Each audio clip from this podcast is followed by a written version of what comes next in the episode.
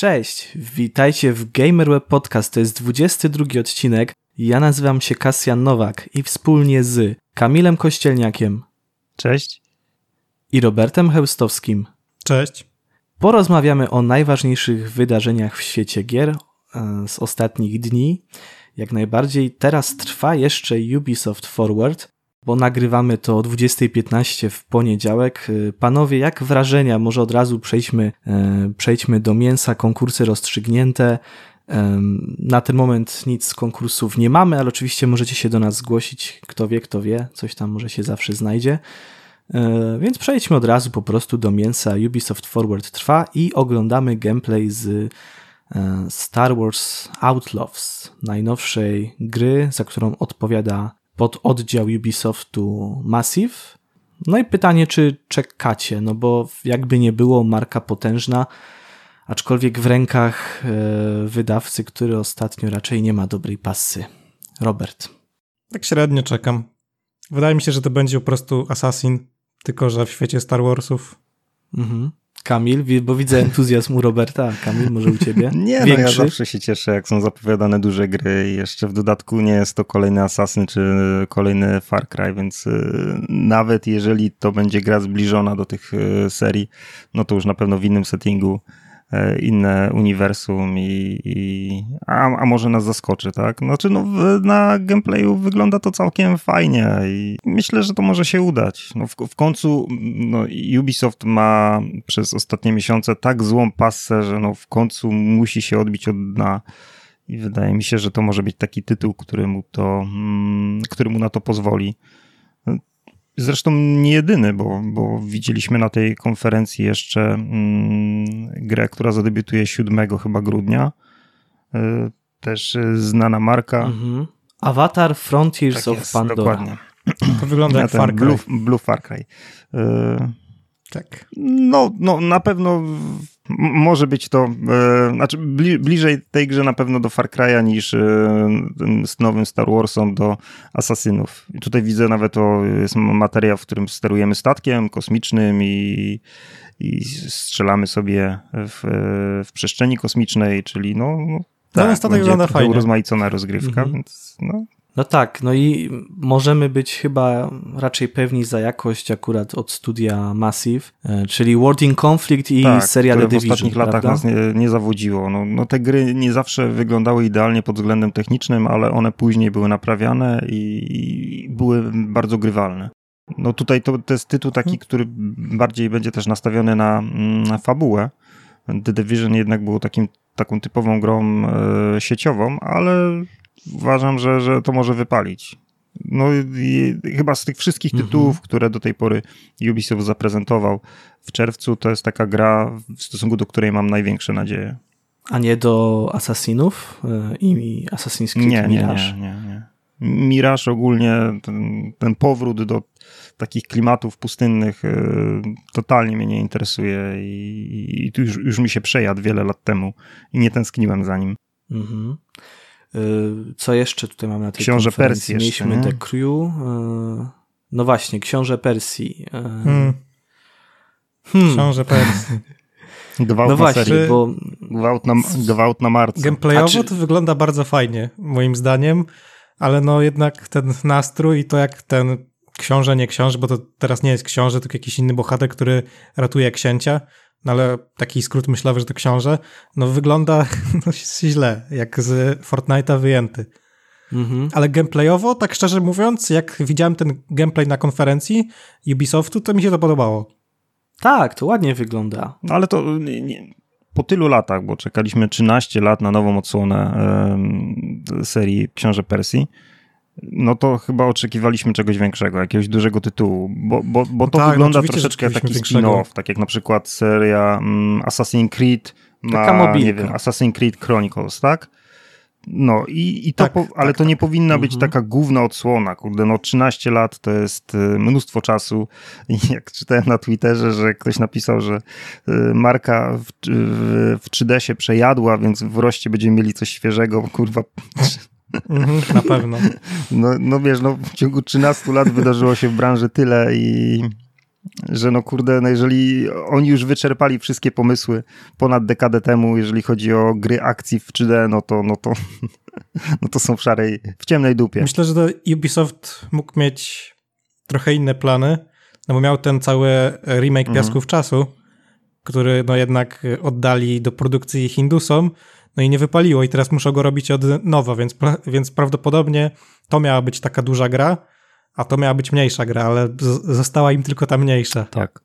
I dosyć już w takiej oprawie troszeczkę już przetrawionej przez y, ostatnie gry, bo ten Immortal Phoenix, tak? To był ta gra w otwartym świecie, tak. taka, taka Ubisoftowa Zelda.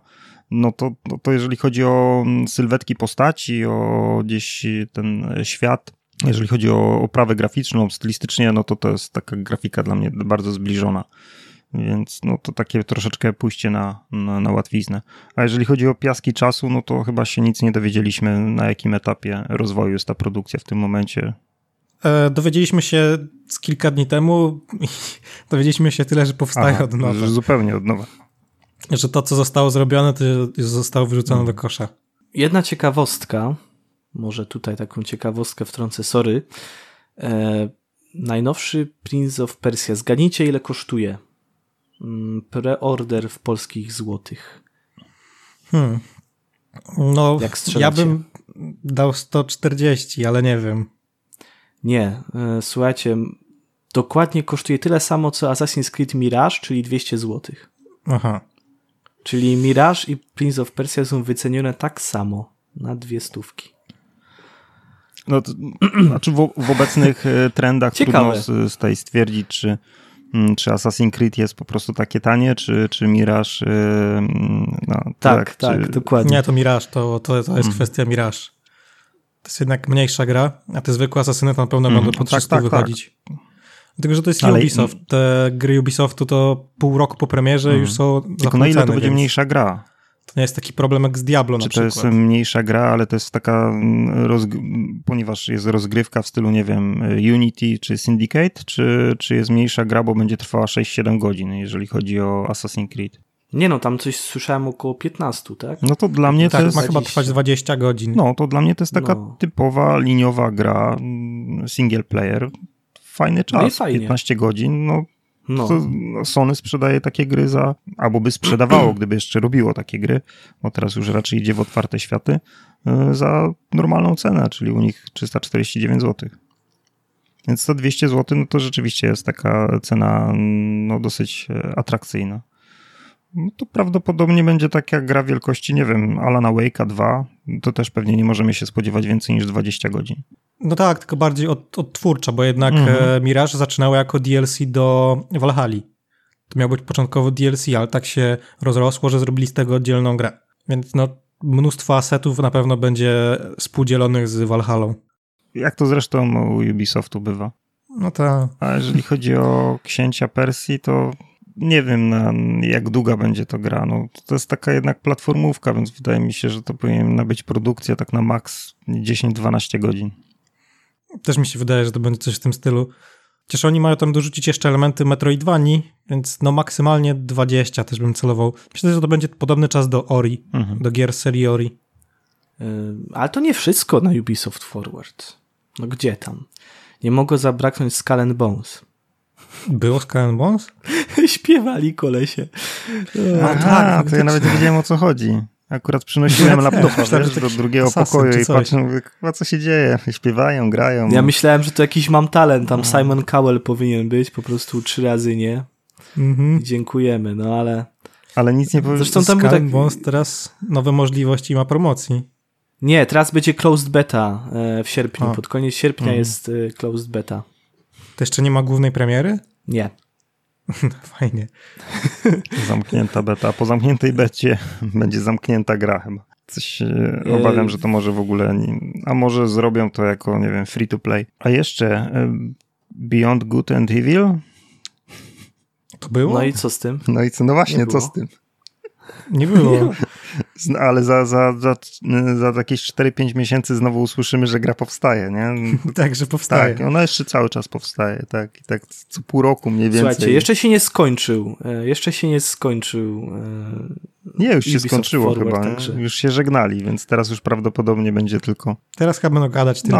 No i po, pokazywać, i omawiać A, to, co to już pokazali. Nie? Takie pierdy. The Crew też było, nie? Tak, było, było. Tak, e, mówiłem. E, No i co jeszcze? No Rayman e, będzie w DLC, to o czym wiedzieliśmy wcześniej, no ale ma być jeszcze w tym roku do Mario Plus Rabbids Sparks of Hope, czyli do najlepszej gry Ubisoftu ostatnich lat. Zdania je zmienię. No, Ewentualnie ktoś może może... konkurencja nie na była, Anno. konkurencja nie była duża. No, No jeszcze Arno ewentualnie. no ale to już jest taki in, inny to, typ rozgrywki. No, jak to się mówi, nie dla każdego. No ale dla mnie. Mm. Anno był Oprócz Mirage były jeszcze inne asasyny. Tak. Też tam na te na komórki, nie? Ten Chronicles. Był Nexus VR, który był śmieszny, bo oni nie pokazali tam w ogóle gameplayu, tylko taki wyreżyserowany z pierwszej osoby, nie wiem, filmik, Mhm. który miał przypominać gameplay, ale było tam napisane, że to nie jest gameplay. No i był też krótki bardzo pokaz tego, Jezu, Codename Jade chyba, tak? Tak. To to na komórki było. Tak, to co na komórki. Codename Jade. Codename Jade, no. No i panowie tutaj śpiewają o Skull and Bones, sobie tu jeszcze tak patrzę. Genialne. Ja Mhm. myślę, e, Kamil, Mhm. to wyciąć i nasze mordy wkleić. Znowu. Bardzo ładne szanty śpiewaliśmy. A, no i na początku było Jazz Dance. A, to przegapiłem. Ja chcę, by, Poważnie? ja chcę być tym, który ma ręce w kieszeni, Kamil, jak coś, jeżeli chodzi o Skull Bones. Tym e, najbardziej po prawej. Żadnej kobiety tam nie ma? Nie. Ej, jak, czemu, po co mi kobieta? No, nie, gdzieś jakiś zawsze mi pasował z tyckami. Nie, ja nie jestem, ja nie mam y, postury gracza, przepraszam. Ja jako tako jeszcze wyglądam. Więc nie wiem, po co mi twarz kobiety tutaj. No, czy twarz y, kobiety nie, ciało ciało. kobiety, żeby w, w, wsadzić mój, moją twarz w ciało kobiety. E, nieważne. E, co tam jeszcze? Jazz Dance, tak? Mówiliście, było coś? Tak, chyba wszystko. A faktycznie, tak, ktoś tam tańczył. No, Ale zawsze Aha, bo ten, y, bo teraz taniec będzie na olimpiadzie. Wiecie o tym? Chyba breakdance Nie. wchodzi do olimpiady. A, to można ćwiczyć w Dance i się zapisać na olimpiadę. Tak. No, Serio? Breakdance? tak. No breakdance będzie na tym. Y, Mieli boks wywalić, a breakdance będzie na igrzyskach. Czekaj. No, breakdance stał się dyscypliną olimpijską od 2024 roku. Ja myślałem, że... A igrzyska są w Paryżu, a Ubisoft jest francuski, także wszystko się spina. Kurwa, breakdance, to, ja to kojarzę, to było modne w latach 90. Pamiętam, była taka ekipa... Taniec na głowie. Tak, była taka ekipa i jeździła po szkołach. Nawet jak jeszcze w- jestem starym człowiekiem. I w podstawówce, jak jeszcze jesteś. byłem chyba w siódmej czy w ósmej klasie, to ta ekipa przyjeżdżała, jeździła tak po, po szkołach i robiła takie pokazy, nie?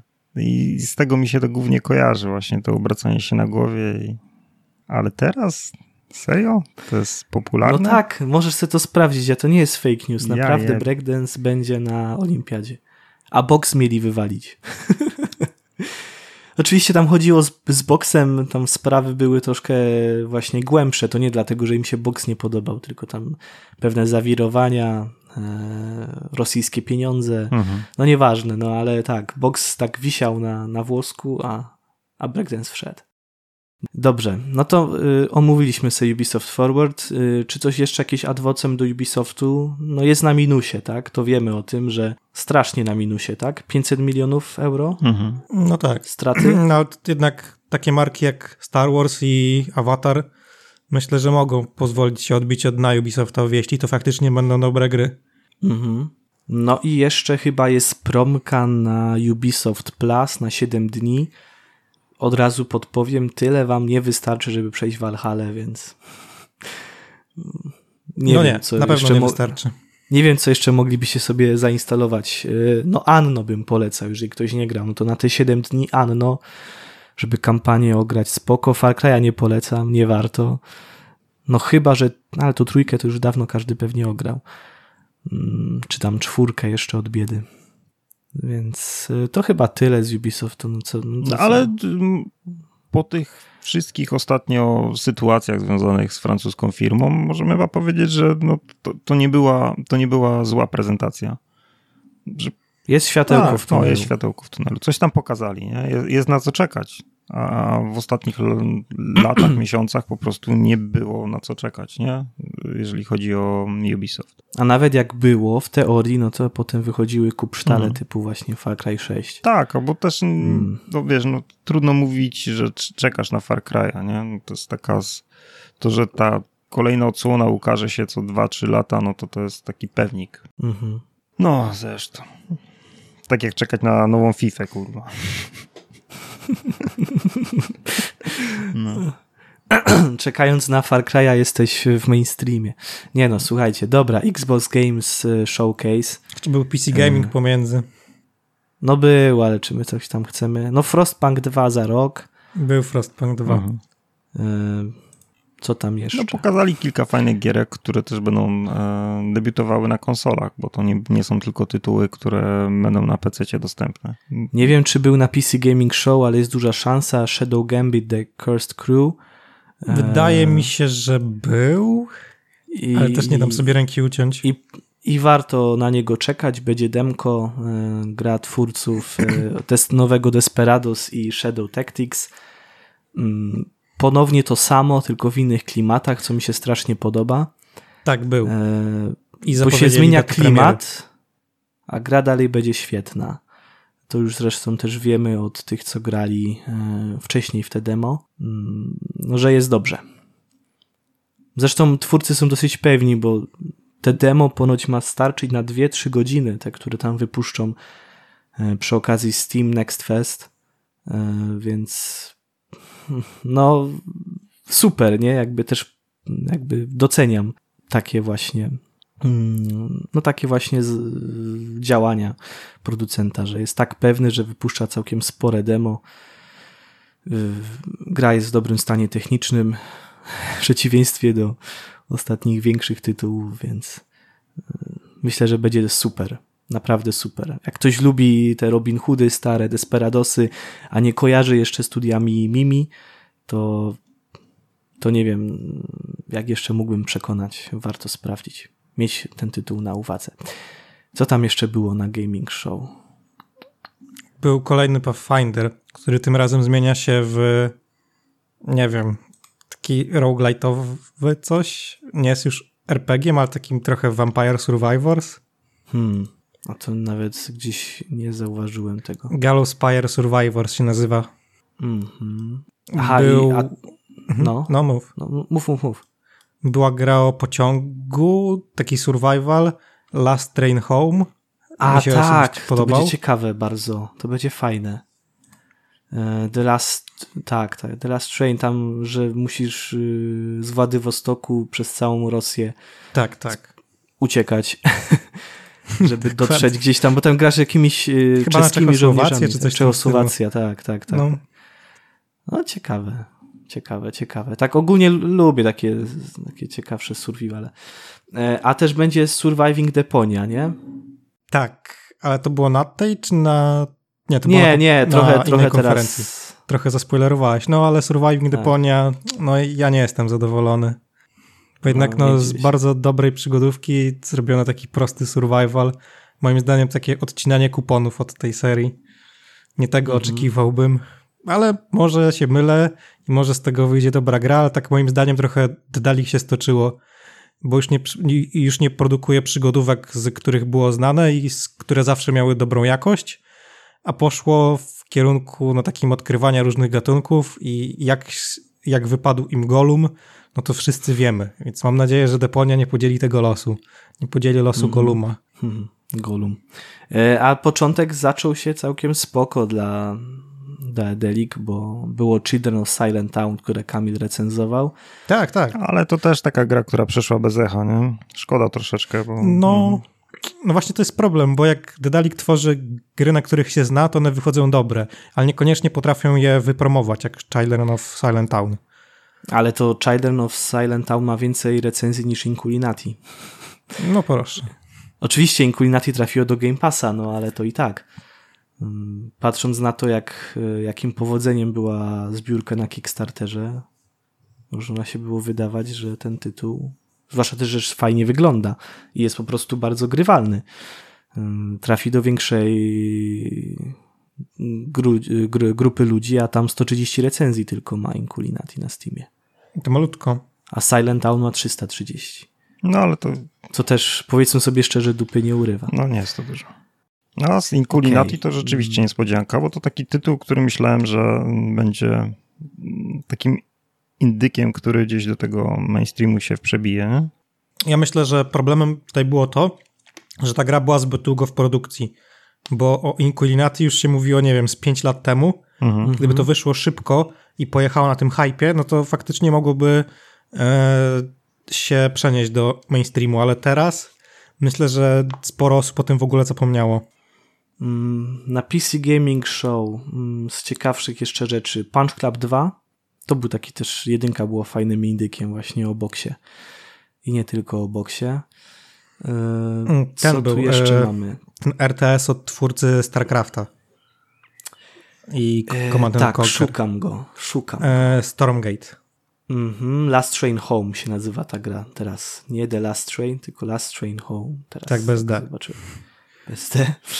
E, The Invincible, tak? Też ma być chyba drugie demo gry mhm. na podstawie e, tego Lema. Ja mam takie mieszane uczucia w stosunku do pierwszego demo. No czemu? E, technicznie one było jakoś takie dziwnie zrobione, także na najwyższych ustawieniach na tych ultra wiesz, nie mam jakiegoś nie wiadomo jakiego lapka, nie? Ale gdzieś gubił mi klatki, więc chciałem sobie zjechać troszeczkę i ustawić sobie na wysokie. A między ultra a wysokie była taka różnica, że po prostu jakbyś miał tylko dwa, dwa poziomy graficzne.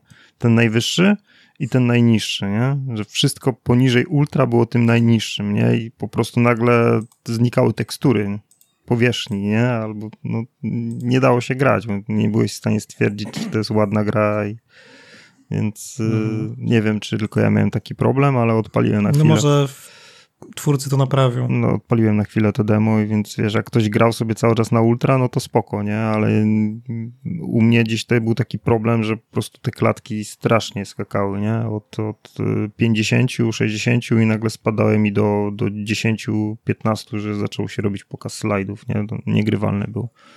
A jak chciałem obniżyć troszeczkę opcje graficzne, no to to nagle po prostu schodziło już tak, że, że gra wygląda jak kupa. No i jeszcze widzę tu jakiegoś boomer shootera. Citizen Sleeper 2 był. Też był, tak. Gdybyśmy tylko wiedzieli, jaką dobrą grą jest jedynka, to może byśmy coś powiedzieli. No właśnie, wszyscy mówią, że jest bardzo dobrą grą, ale chyba nikt od nas nie grał. No. Czy... no i Lords of the Fallen też było. Osobiście mi się bardzo podoba to Lords of the Fallen. Kurde, robi, robi wrażenie, nie? Nawet jeżeli chodzi o oprawę graficzną. No, Ciekawi mnie, jak będzie w pojedynku z Elden Ringiem, bo jednak Lords mają być chyba bardziej liniową grą, mhm. a nie będzie otwartego świata jak w Elden Ringu, więc ciekawi mnie, czy gracze nie będą krytykować gry pod tym względem. A mam nadzieję, że nie, no bo jednak zapowiada się naprawdę bardzo fajnie. Zapowiada się lepiej niż pierwsze Lords of the Fallen. Nie powinniśmy od razu teraz oczekiwać, że każda kolejna gra będzie w otwartym świecie. No nie, nie. No, potencjał no, ale studia tak świeżo po Elden Ringu. Tak, zupełnie inny troszeczkę. Więc tutaj e, no, fajnie, że twórcy nie, nie, nie porywają się z motyką na słońce, bo to mogłoby się dla nich źle skończyć. Mhm.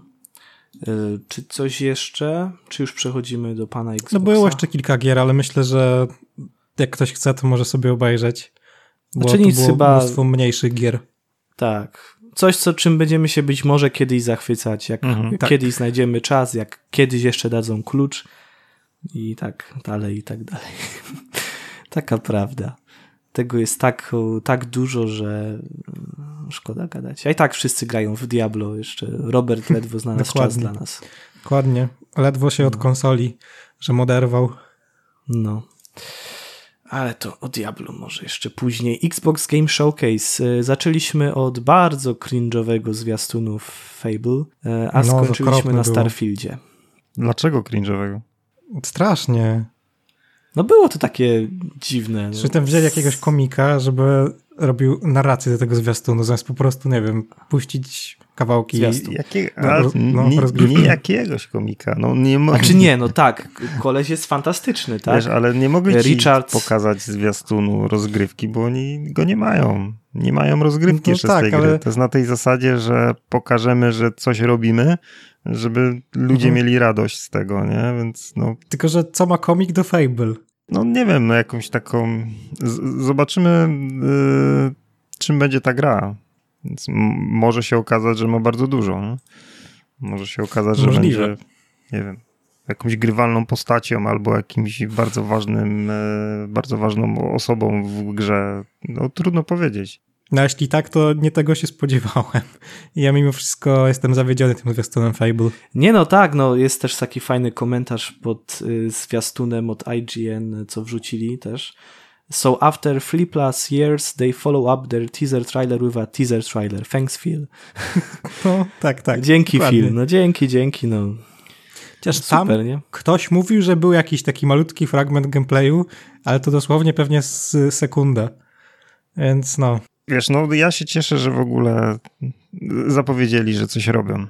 Może nie jest to akurat do końca to, czego można było się spodziewać, ale no, fajnie, jeżeli za pół roku czy za rok byśmy zobaczyli troszeczkę więcej, bo Microsoft ma w zwyczaju zapowiadać gry, a później przez dwa lata o nich milczeć albo i dłużej. dokładnie tak było w przypadku Były jednej takie. gry, która była na tej konferencji. Mhm. A już Tylko pokazali jak to ją. się czyta? Ew- Avowed? Awout, Awout, Avowed? No to, to no tak, ale taka prawda, tak, ta gra była w, w nicości i odkurzyli. Jak jeszcze było? To już było takie duże RPG? The Outer Outer Worlds? Worlds, tak. Dwójka. Dwójka, no to No. było I też nie wiadomo. dwa lata temu. A State of Decay też nie wiesz, co jest z trójką. A w ogóle było mówione, że, że będzie trójka? No tak, chyba tak. Tak? czekaj, no zaraz ci powiem, to był 2021 albo 2020. Zaraz, zaraz ci powiem, kiedy pierwszy news jest na gry online. 2020, 23 lipca. Podczas konferencji Xbox Game Showcase ogłoszono State of Decay 3. Aha, no to z Fable, Pierwszy zwiastun. Fable może być podobnie. Trzy lata no. temu. I to, to, to, już jest taka zagrywka, która mi się nie podoba. Sony też często robi tak, że zapowiada grę, nie, nie pokazuje mm, materiału z gameplayem. Tak było chociażby w zeszłym roku ze Spider-Manem. Problem polega na tym, że oni rok później pokazują rozgrywkę, a mm, kilka, a kilka miesięcy później gra debiutuje, tak?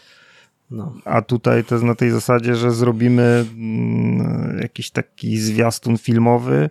To tak jak zwiastun, nie wiem, pierwszy zwiastun cy- Cyberpunka, nie? Mhm. Który był, nie wiem, w 2013 roku chyba wypuszczony, a, a Tak. gra zadebiutowała 7 lat później. No to Chociaż tam wiemy dobrze o tym, że część gry poszło do kosza, tak? Tak, tam tak, tak. Też troszkę Tak, tak. A- Gra była w piekiełku a, a tutaj możemy się spodziewać tego, że tak naprawdę ta gra nawet dobrze nie została, nie wiem, proces produkcji się nie rozpoczął tak naprawdę. Oni zaczynają No od... to samo było trochę z Hellblade'em dwójką, który się pojawił na tych targach, ale Mhm. też powstaje od, nie wiem, z czterech lat, Mhm. jak nie więcej. Tak, dosyć długo. Przecież ta gra już została chyba zapowiedziana, zanim jeszcze mm, Ninja Theory, tak? To oni, tak się nazywa studio? Żeby nie pomylić z Team Ninja, ale chyba, tak, chyba nie? Ninja Theory. No, to o, oni chyba zapowiedzieli już dwójkę mm, jeszcze zanim e, ich przejął Microsoft. Mhm. Czyli to rzeczywiście już było kilka e, dobrych lat temu. I tak się spodziewali wszyscy, że po pierwszym zwiastunie mm, za rok ta gra zadebiutuje, a później było mm, kilka No lat ciszy. I tak na naprawdę... tej konferencji dowiedzieliśmy się, że za rok. Tak, że za rok, ale jeszcze nie No. wiemy kiedy za rok, czy za rok w grudniu, czy za rok w styczniu, no to jeżeli, jeżeli nie powiedzieli, że na początku, no to, no to możemy się spodziewać e, drugiej połowy 2024 roku. No tak, tylko to nie jest jedyna gra też a propos tego Fable. Ale znowu nie widzieliśmy wiesz- tak naprawdę rozgrywki, tak? Jeżeli chodzi o Hellblade 2. Mhm. Bo znowu pokazali tak No naprawdę, tak. to, to była cutscenka. To kurwa nie jest gameplay. No ja no wiem, że fajnie, że to jest cutscenka z gry, na silniku gry, ale to nadal nie jest rozgrywka. Dokładnie to samo było mm, dwa lata temu, kiedy pokazali też tam efektowny taki zwiastun e, walki chyba z trolem takim dużym. Znaczy, yy, a propos jeszcze tego Fable, no to, czy nawet w sumie Hellblade'a, mm, jest taka gra jak Clockwork Revolution, Mhm. ona była tuż przed Starfieldem yy, zapowiedziana. Studio Inxile, czyli dla mnie to jest synonim jakości. Nie wiem jak dla was. No, ja lubię po prostu gry Studia Inxile. Jest jeden problem. Znaczy, bo to tam nawet fajnie wygląda, chociaż niektórzy... To wygląda super, mi się strasznie podoba. Tak, Taki tylko niektórzy... No właśnie, niektórzy nawet zarzucali, że wręcz tak bardzo, bardzo Bioshockowo to Nie, wygląda. no co ty. Mm, No trochę tak, trochę... No znaczy, wygląda, ale to jest No to jest steampunk, no wiem, no to No jest... tak, no, tak, tak, jakby nie, nie, rozum, nowo. nie rozumiem, czemu ktoś Bioshock się, pierwszy się też. tego czepia. To, to, to nie jest No nie, tak, że ta no stylistyka że nie. została wymyślona przez twórców Bioshocka. Ale nawet y, Brian Fargo, y, to nie jest jego pierwsza gra steampunkowa, bo Mhm. przecież jeszcze było Arcanum, tak? To też chyba było coś Tak. w podobie, nie? Tak, to był steampunk. No właśnie. Tylko bardziej Więc- taki fantazy steampunk, ale no, No, tak. ale był. Tylko jest jeden problem z tym Clockwork Revolution, y, bo wieści gminne noszą, że gra znajduje się dopiero w fazie prealfy.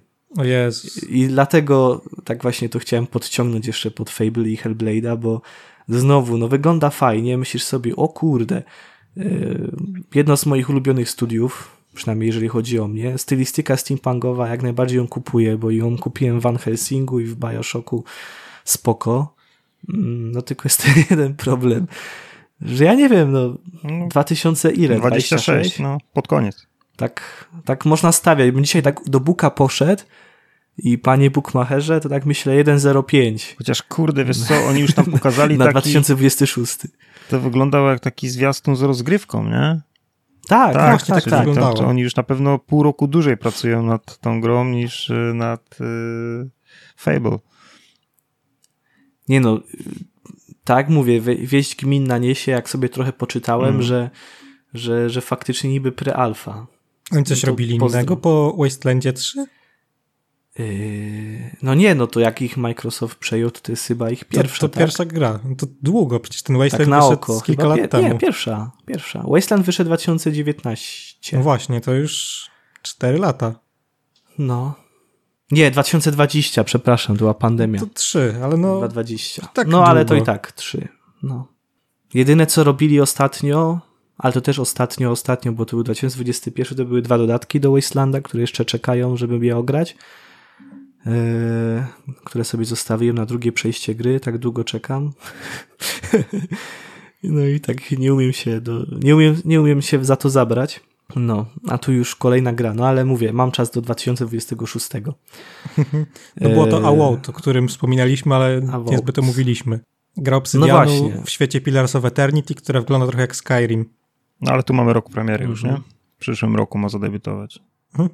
Ale zauważyliście, że ostatnio jest taka moda na tworzenie gier w mm, FPP, w których się nie strzela, tylko mm, napierdala się jakimiś magicznymi sztuczkami?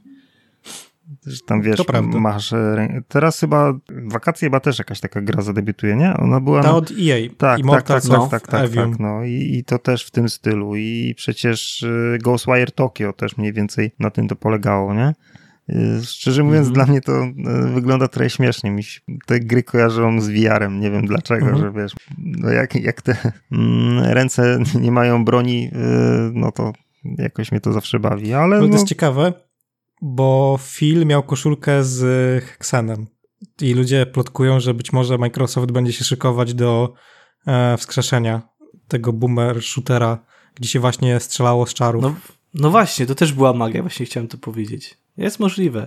Ty może ktoś robi jakieś badania fokusowe, że gracze chcą teraz się napierdzielać fireballami, mm, nie wiem, i, i, i magiami.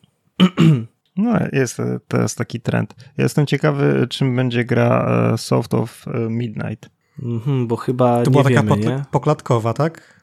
Ten, ten zwiastun. Tak, taki, no, a, a, o, jeżeli Jakaś chodzi... przygodówka miała być. Kurde, nie wiem, czy to będzie przygodówka. Taka akcja, No, ale- fa- fajny klimat tego zwiastuna, taki e, nowoorleański, nie? Mhm. I no, w, o, oprawa wygląda fajnie, podoba mi się ten styl graficzny. I właśnie taka Kamil- trochę poklatkowa animacja. Co? Już ci czytam. South of Midnight is a new action adventure from Compulsion Games. Mhm. No, no to taka, wiesz, FPP przygodowa Znaczy, akcja. te studio robi ciekawe gry, niekoniecznie Tak. udane technicznie. To są ci, mm, oni mieli taką gierkę też, ona na Xboxa wychodziła. Yy, We Happy Few. tak, tak, tak, tak. A, to jest od We Happy Few. Mhm. Jezus, tak, no. miałeś się śmiać cały Mhm. czas, nie? No to ta gra była strasznie zła e, pod względem technicznym. Mhm.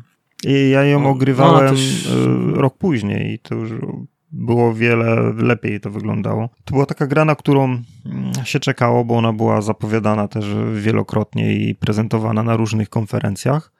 E, A jej premiera przeszła bez echa zupełnie. Ona po prostu zadebiutowała i nikt o niej nie mówił. Tym bardziej pozytywnie, nie? Tak było, że jeżeli już ktoś o niej wspominał, to tylko, że jest zabugowana, ale mm, rzeczywiście, kurde, gdzieś ten, nawet nie, nie, nie chwalili się wtedy premierą tej gry. Ja ją ogrywałem kilka miesięcy później i w Game Passie zresztą. Nie wiem, czy jeszcze jest dostępna, chyba jeszcze jest, nie? Pewnie jest. No teraz to myślę, że na pewno już została. Tak, i to całkiem ciekawy tytuł jest, więc warto, warto spróbować. Tym bardziej teraz, kiedy już jest naprawiona. Mm, No pamiętam chyba nawet kiedyś Dawid, pozdrawiamy cię, jeśli nas słuchasz, ogrywał wersję Early Access. To dawno temu było. Ona tam też długo chyba pozostała. Mhm. A i tak jej to nie pomogło, jeżeli chodzi o technikalia. No. Ale zobaczymy. Data jeszcze nie ogłoszona tego South, South of Midnight. No, to też może być taka gra, która zadebiutuje w 2026. No. Zobaczymy. Widzę na gry online jeszcze tutaj yy, zaskoczenie dotyczące właśnie Prince of Persia, że jedna z najlepszych gier Ubisoftu z ostatnich lat. Mm. Jakby redakcja gry online ogrywała, więc Mm, No, no, zobaczymy. to zob- zobaczymy, jak dostaniemy w nasze ręce. to Redakcja wtedy- gry online, to oni też się chyba zachwycali Golumem przed premierą. Nie wiem, nie, pamiętam, wiem, nie nie, będę, nie, będę też mówił. Też były takie prezentacje Goluma właśnie też e, z dużych redakcji. Jeździli i ogrywali i większość była... Nie wiem, czy oni chyba wstępnej oceny nie dali 8 na 10. Nie wiem, czy gry online, czy w PSX-ie to nie było. To chyba nie w gry online. No, chyba. Gry online jakoś nisko oceniło tego Goluma. Ale nie, nie, nie, to nie chodzi o recenzję finalnej gry, tylko jakby taka Mhm. re recenzja wstępna na podstawie tam byli na jakimś pokazie i ogrywali, nie? Czasami są takie Nie wiem. zamknięte pokazy Nie mam i była taka ocena jakby wstępna, że, no, że będzie to dobry tytuł, nie? No i Mhm. później okazał Jeszcze się byśmy z... gorszy. E, zostali jeszcze tu na chwilę na Xbox Game Showcase, no bo myślę, że nie ma Tomka, więc o personie się może nie wypowiemy, ale, Ale cieszymy wiadomo, się, że będzie. czekać. No. Cieszymy się, że będzie. Ja teraz tak właśnie e, mój drugi i trzeci palec tak teraz krzyżuję. Mówię, czekam na personę 3 i 5. E, no, tak. E, co tam jeszcze? No, Like a Dragon, wiadomo, Tomek. Pozdrawiamy cię serdecznie. Jest w ogóle śmieszne, Eee. że oni zmienili tytuł Yakuza w Like a Dragon. Nie wiem skąd to No, się tak, wzięło. Tak, tak. I wiele osób myślało, że to będzie dodatek albo no taki samodzielny dodatek do ostatniej odsłony Jakuzy. I oni Tak. musieli w, w takie małe sprostowanie napisać na Twitterze, że to jest kolejna odsłona serii. Właśnie przez to, że to się nie nazywa Yakuza. No bo poprzednia część to była po prostu Yakuza Like a Dragon, tak? A teraz nagle jest Like tak, a Dragon tak, tak. i podtytuł. Więc no, dzi- dziwne, dziwne posunięcie. Był Payday I 3. fi- Tak, Payday 3. No, zobaczymy. City Skylines będzie. 2. O, i tutaj oczywiście paradoks. Ech, no, trochę pieniędzy znowu na mnie zarobi. Trochę pieniądzorów pójdzie na dodatki do Skylines 2, niestety. Ładnie to wygląda.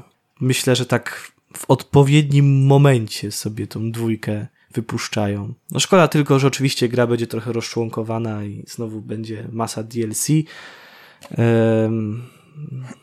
No. A zobaczymy. E, Co tu jeszcze? No mamy jeszcze tego Cyberpunka, ale zanim może przejdziemy do Cyberpunka, tutaj jeszcze taka jedna rzecz e, dla Kamila zwłaszcza, takie jego zwycięstwo.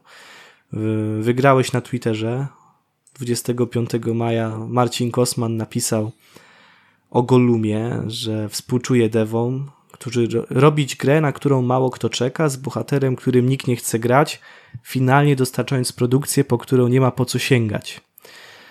No i rozbudziła się tam dyskusja. Ym, Napisałeś komentarz, że wręcz przeciwnie, że twórcy mieli do dyspozycji świetne uniwersum, i tu się zgadzam, i postać będącą dobrym materiałem na bohatera, no i tu też się zgadzam. To jest po prostu słaba i archaiczna gra. No, Nie grałem, no ale tak to, tak to wygląda.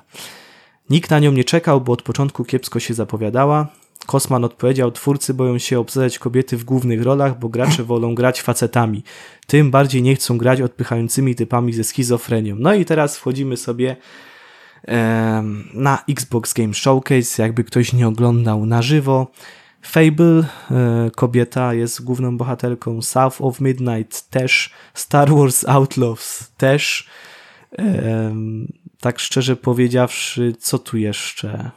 To było jeszcze sporo indyków. Chyba tak nie? naprawdę. Chyba tak naprawdę Like a Dragon jeszcze na tym, na tym Xboxie miał takiego typowego tylko faceta jako bohatera. No ale to bo jest kontynuacja serii, no, jest- to nie zmienią, nie? A w Hellblade'zie No nie, tak. do, nie dość, że masz kobietę, to jeszcze ze schizofrenią, nie? Więc No. Co się łączy z Golumem. tak. E, no. Forza Motorsport też możesz jeździć bryką, a nie samochodem. nie, dobra, to był głupi żart. Ale no kurde, no nie potwierdza się to. Wręcz przeciwnie. Gracze lubią dostawać e, historie z kobietami w roli głównej, a devowie często sięgają teraz po bohaterki w rolach głównych. Znaczy ja mniej więcej wiem o co chodzi, gier. ale nie powiedziałbym e, w ten sposób, że twórcy boją się, ponieważ gracze nie chcą grać. Twórcy boją się, ponieważ nie mają pomysłu na stworzenie dobrej kobiecej postaci. Dlatego, że naj, najłatwiejszym sposobem jest stworzyć takiego, taką, taki archetyp. Chłopczycę? Nie, nie, nie. No, osa, osadzić w głównej roli mężczyznę, tak? Silny Mhm. mężczyzna z karabinem, to jest taki, taki archetyp typowy, nie? Z kolei, y, jeżeli w tej samej roli masz postawić kobietę i ona, ta postać ma być autentyczna, to musisz jej dać jeszcze duszę. I, I to jest o wiele trudniejsze. Po prostu w grach akcji o wiele trudniej jest stworzyć wiarygodną kobiecą postać niż męską. I to jest problem. Jeżeli masz świetny pomysł, jeżeli masz ludzi, którzy potrafią dobrze napisać taką postać, to masz gwarantowany sukces. Ale to nie jest tak, że gracze nie chcą grać, bo historia branży już dawno pokazała, że gracze lubią kobiece postacie. No, no nawet w ostatnich latach no masz e, Aloy z, e, od Sony, tak? Jeżeli Sony nie jest studiem, które lubi ryzykować, tak? Oni idą w trendy, które przyniosą im zysk. Więc jeżeli oni stawiają na kobiece postacie, to znaczy, że to się opłaca. Oczywiście, jeżeli mają na to odpowiedni pomysł. A mieli, bo im się udało. No udało im się. Czy to w The Last of Us, czy, czy, w w, czy w Returnal. Horizonie, nie? No właśnie też. Hmm. Więc Mhm. tutaj nie ma problemu. I nigdy nie słyszałem komentarza na przykład, żeby ktoś powiedział, że no, ta gra byłaby lepsza, gdyby bohaterem był mężczyzna. Nie, no, no, nie ma takiej gry, która nie, No to wy, chyba nie ma żadnego która, znaczenia tak, tak, naprawdę. która nie wypaliła dlatego, że kobieta była bohaterką. No nie ma takiej produkcji.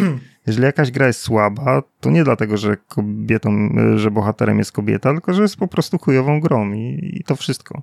Albo postać jest źle napisana, ale to płeć nie ma tutaj nic wspólnego z tym. Tak, bo gdyby dać e, tym twórcom stworzyć e, postać męską, efekt byłby podobny. Mhm. E, tak, było też oczywiście parę kiepskich gier z kobietami w roli głównej, Oczywiście. ale to takich, których nawet ty nie pamiętasz. E, tylko ja pamiętam. Jak Velvet Assassin na przykład, taka pamiętam. skradanka kiedyś była. O, no, ale to tam była na przykład taka, ale to, to była po prostu słaba gra. Mhm. Po prostu. A historia była chyba skupiona na prawdziwej kobiecej postaci e, takiej agentki. No nie pamiętam już. Nieważne. E, A w grach RPG teraz możesz po prostu zazwyczaj sobie grać kim chcesz. Czy to ma być kobieta, mężczyzna, czy przedstawiciel którejś z innych płci, których nie znam, ale które pewnie istnieją. Okej. Dobra, do Cyberpunk, panowie. E, Też niektórzy mieli okazję już ogrywać, w tym nawet nasz e, były redakcyjny kolega, którego pozdrawiamy serdecznie. Cyberpunk e, Phantom Liberty z datą premiery. Gra ukaże się, znaczy gra DLC do gry 26 września za stówkę. No chyba, że macie PlayStation 5, to macie pecha, bo tam jest 134 zł. Ale już chyba cena wróciła do Tak? 99. Mhm. To chyba ktoś nie podumał wcześniej. A faktycznie, przepraszam, to jednak macie to szczęście. Więc y, zagracie sobie za 99 zł. Pytanie, czy zagracie? No, Robert chyba jeszcze nie ogrywał, tak? Nie. Cyberpunka. No to Kamil, ciebie Mhm. zapytam. Wiesz ja nie lubię wracać do gier, które ogrywałem wiele lat temu.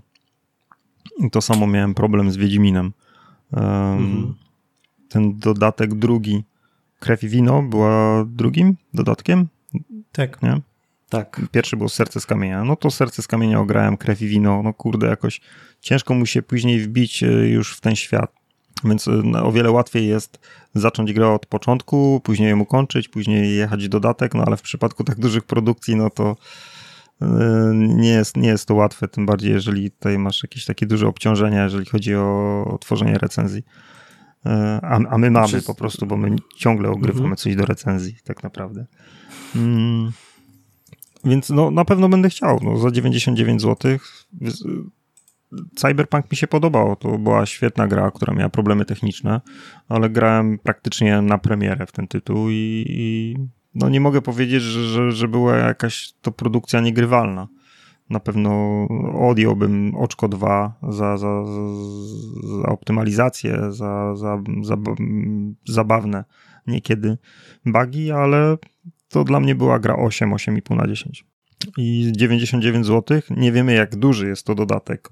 Z tego, co mówił Keanu, no to będzie dużo misji, tak? I ten, ten, ten fabularne rozszerzenie ma być, ma być spore, ale nie wiemy na ile, ile nam to zajmie. Czy to będzie 6 godzin, czy to będzie 10 godzin, czy to będzie 15 godzin. Ale wydaje mi się, że jeżeli nawet to będzie taki dodatek, yy, że fabułę możemy przejść w 8 godzin, to 99 zł to nie jest zła opcja.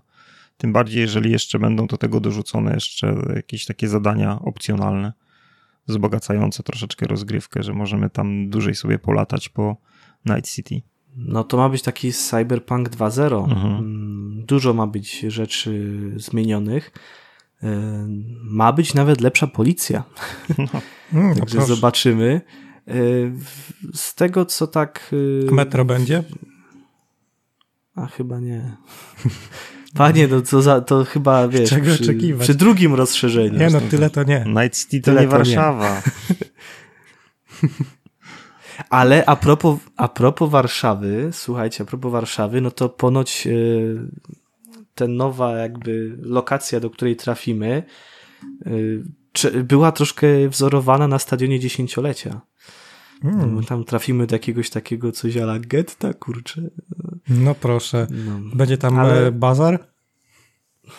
zobaczymy. Bo stadion Nie, słuchajcie. dziesięciolecia, no to stadion, gdzie się handlowało, a nie grało Tak, w tak, piłkę. tak. Tak, tak, tak. Nie, ale po, ponoć naprawdę, naprawdę spoko.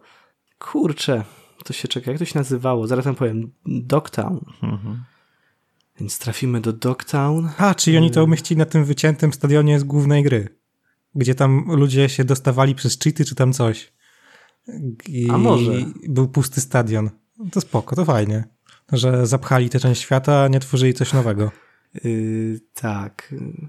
Ale kurde, jak ten czas Hmm. ucieka, nie? To już y, premiera będzie pra- prawie mm, 3 lata. Prawie trzy lata, Mhm. tak. Tam debiut chyba był, nie wiem, 10 grudnia premiera była, coś takiego, no. Tak, tak. tak. 2020. Kurde, niesamowicie. A pamiętam to jakby to Yy, było z Fajne jest. No, a fajne jest to, że tam możemy grać też, no, nie musisz jakby ogrywać całej gry od nowa, może grać yy, preset, tak? Mieć po prostu jakieś postaci i, i sobie wchodzisz do tej To Wiedźminie chyba więc- tak samo było. Mhm. No, także to jest dobre grać rozwiązanie. Mhm. dodatek. Bez e, kampanii głównej. Dlatego się jeszcze zastanawiam, czy może nie spróbować tego na PC kupić. Tylko, że to wtedy 180 zł. No ale może to ogram na przemęczę się na Xbox Series Czyli nie, nie musisz mieć zainstalowanej e, podstawki, tak? Możesz sobie... to- Nie, y, nie, muszę, muszę, Mhm. tylko wiesz, Trzeba. pomyślałem sobie wtedy, że, że jakby to był na przykład dużo zawartości, to bym przebolał te 180 zł, Mhm. wiesz? Ja ostatnio rzuciłem pieniędzmi w Blizzarda i, i kupiłem Mm. Diablo. Nie no, także- kurde, jeżeli ktoś nie grał w Cyberpunka, no to 180 zł z dodatkiem, no to, to jest zajebista opcja, nie? Oczywiście, brać. Tym bardziej, że to jest jeszcze tytuł, który został naprawiony, czyli to już nie jest ta gra, która debiutowała e, ten 2,5 roku temu. No i zwłaszcza jak jeszcze kupicie sobie na PC, to możecie jakieś sobie mody wgrać, także elegancko. Mhm. E, tam Mm. mod. mod Mody uratują każdą grę. Pytanie, czy mody uratują Starfielda? E, bo Starfield nie wydaje się na pierwszy rzut oka grą do ratowania, ale to jest Bethesda i stan techniczny może być opłakany, może też, nie wiem, ja trochę się boję, że to może taka być trochę gra wydmuszka. Mm, przynajmniej na ten moment. Że my tak naprawdę kupimy grę w Early Accessie. Kurczę, trochę się obawiam. No raczej nie będzie to Early Access, ale to będzie Fallout w kosmosie, no nic innego nie należy oczekiwać po tej grze. Chociaż mm. gunplay ma lepszy. Są plotki, mm -hmm. nie wiem czy potwierdzone czy nie, że pomagali im ludzie z ID Software przy strzelaniu. No to gunplay będzie na miodnym poziomie. Ja szczerze mówiąc bardzo czekam. I, nawet się trochę podjarałem, tak sceptycznie podchodziłem do całej tej konferencji związanej właśnie że z Starfieldem, że, że, że będzie go tak dużo, ale no, jestem pozytywnie zaskoczony tym, co zobaczyłem. I kurde, no to jest taka gra, to jest taka Zelda, w jaką chciałbym grać więcej. Znaczy, rozumiesz, ten, ten, ten rozbudowa tego świata, nie? Bo kurwa, no, szczerze mówiąc, no to jest taka gra, z której, w którą wejdę i nie będę chciał z niej wyjść, która może nie będzie mnie tak szybko męczyć. Akurat, no, jeżeli chodzi o oprawę graficzną, o stylistykę, no, sam świat gry, gdzieś, no, jara mnie to i bardzo mi się to podoba. To, co zobaczyłem, przede wszystkim to, w jaki sposób ta gra będzie rozbudowana i różnorodna, jeżeli chodzi o samą rozgrywkę że to nie będzie tylko ani takie proste RPG, ani to nie będzie tylko strzelanka, tylko rzeczywiście może jakieś takie nowe doznania, jeżeli chodzi o gry AAA, chociaż już słyszałem, że co to za nowe doznania w 30 klatkach na sekundę. No to na konsoli, na PC na pewno będzie więcej. No. Tak, no na PC na pewno będzie więcej, no ale no, no wiesz, no wszyscy się teraz spodziewają, że już gry będą chodzić w 60 w 60 klatkach. No, Starfield no, ma być chyba potężną grą, więc niekoniecznie bym się spodziewał znaczy, no już, 60. Tak, no już, już zapowiedzieli, że będzie 30 klatek. To, to już jest duży problem, nie? że... Zelda chodzi w 20 i im to nie przeszkadza, to Starfield 30 też nie powinien. No i nie tylko Zelda, i Bayonetta chodzi i klatkuje, i te Fire Emblemy klatkowały. Na Nintendo wszystko klatkuje. Tak, no bo to jest gra na słabej konsoli, Prawie. która tak naprawdę ma bebechy komórki za 600 zł ale niby nie powinniśmy usprawiedliwiać tutaj Microsoftu, i, no, bo to już jest o wiele potężniejszy sprzęt, ale z drugiej strony Starfield wygląda zajebiście, jeżeli chodzi o oprawę graficzną. Jeżeli chodzi o grę z dużym otwartym światem, to naprawdę wygląda bardzo fajnie, a poza tym będzie w rozdzielczości 4K, czyli no, ta gra wymaga więcej, olbrzymi świat, tysiąc planet. No kurde, chyba dobrze, że to, dobrze, żeby to działało w płynnych 30 klatkach, niż żeby miało nam tutaj falować te 60 i żebyśmy mieli, nie wiem, spadki nagle do 20 klatek. Grali na 60, nagle nam spadało do 20. To by było nieprzyjemne, więc jeżeli będzie stabilne 30 klatek, to ja będę bardzo szczęśliwy. Tym bardziej, że ja nie jestem. Też jestem takiego zdania. Tym bardziej, że ja nie jestem jakimś mhm. takim maniakiem 60 klatek. Oczywiście w strzelankach jest to dla mnie jak najbardziej wskazane i gra się o wiele przyjemniej, ale w innych produkcjach 30 klatek, nawet w takich grach z perspektywy trzeciej osoby, zupełnie mi nie przeszkadza. Tutaj rzeczywiście byłoby to wskazane, ale ja potrafię grać w gry FPS na padzie, na konsoli w 30 klatkach na sekundę. Przez wiele lat się do tego przyzwyczaiłem i nie przeszkadza mi to aż tak bardzo. Patrzę sobie jeszcze tutaj na gameplay e, ze Starfielda. No, nie no, kurczę, oby, oby, oby, oby. Yy, edycję kolekcjonerską kupujesz? Zegarek? Podjarałeś się zegarkiem? Ja? Zegarek nawet fajnie wygląda. Znaczy, no ludzie się śmieją, ja uważam, że to jest zajebista edycja kolekcjonerska. Wiesz, no to jest przynajmniej rzecz, którą śmieć, faktycznie no, użyjesz. Tak, no dla mnie tak kolejna samo wyglądała figurka. edycja kolekcjonerska Fallouta 4. Hmm. Tam też był ten Pip-Boy, tak? Pip-Boy tak. Hmm. dołączany hmm. do kolekcjonerki, który miał właściwie taką samą funkcję jak ten zegarek. Tylko, że był brzydszy, był taki no. masywny na ręce. Tak, tak, tak, no bo on jednak był wzorowany na, na, na świecie Fallouta.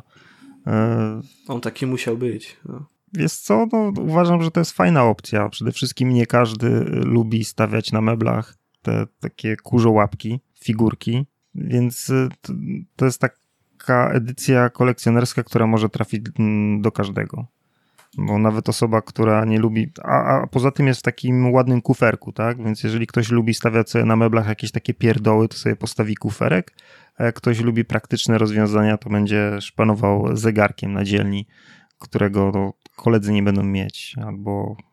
Tak, tylko pytanie, jak bardzo jakościowo będzie wykonany ten zegarek, no. bo mi tak szczerze trochę to przypomina taki jarmarczny gadżet, ale może się mylę. No, tego nie wiemy na razie, więc y, póki nie będzie pierwszych takich e, unboxingów, no to, no to na razie nie wiemy. No, nie, znaczy na tych zdjęciach, co widziałem, to trudno mi się do, dopieprzyć do jakości, bo, bo nie widzę jakichś takich rzeczy, mankamentów, które mógł powiedzieć, o kurde, ale chińszczyzna, nie? Ale no jakiej to będzie jakości sprzęt, no trudno w tym momencie mi, mi ocenić. Może się okazać, że rzeczywiście to będzie tandetna zabawka. Czekaj, to do Fallouta 76 był ten taki... Był hełm, który pleśniał.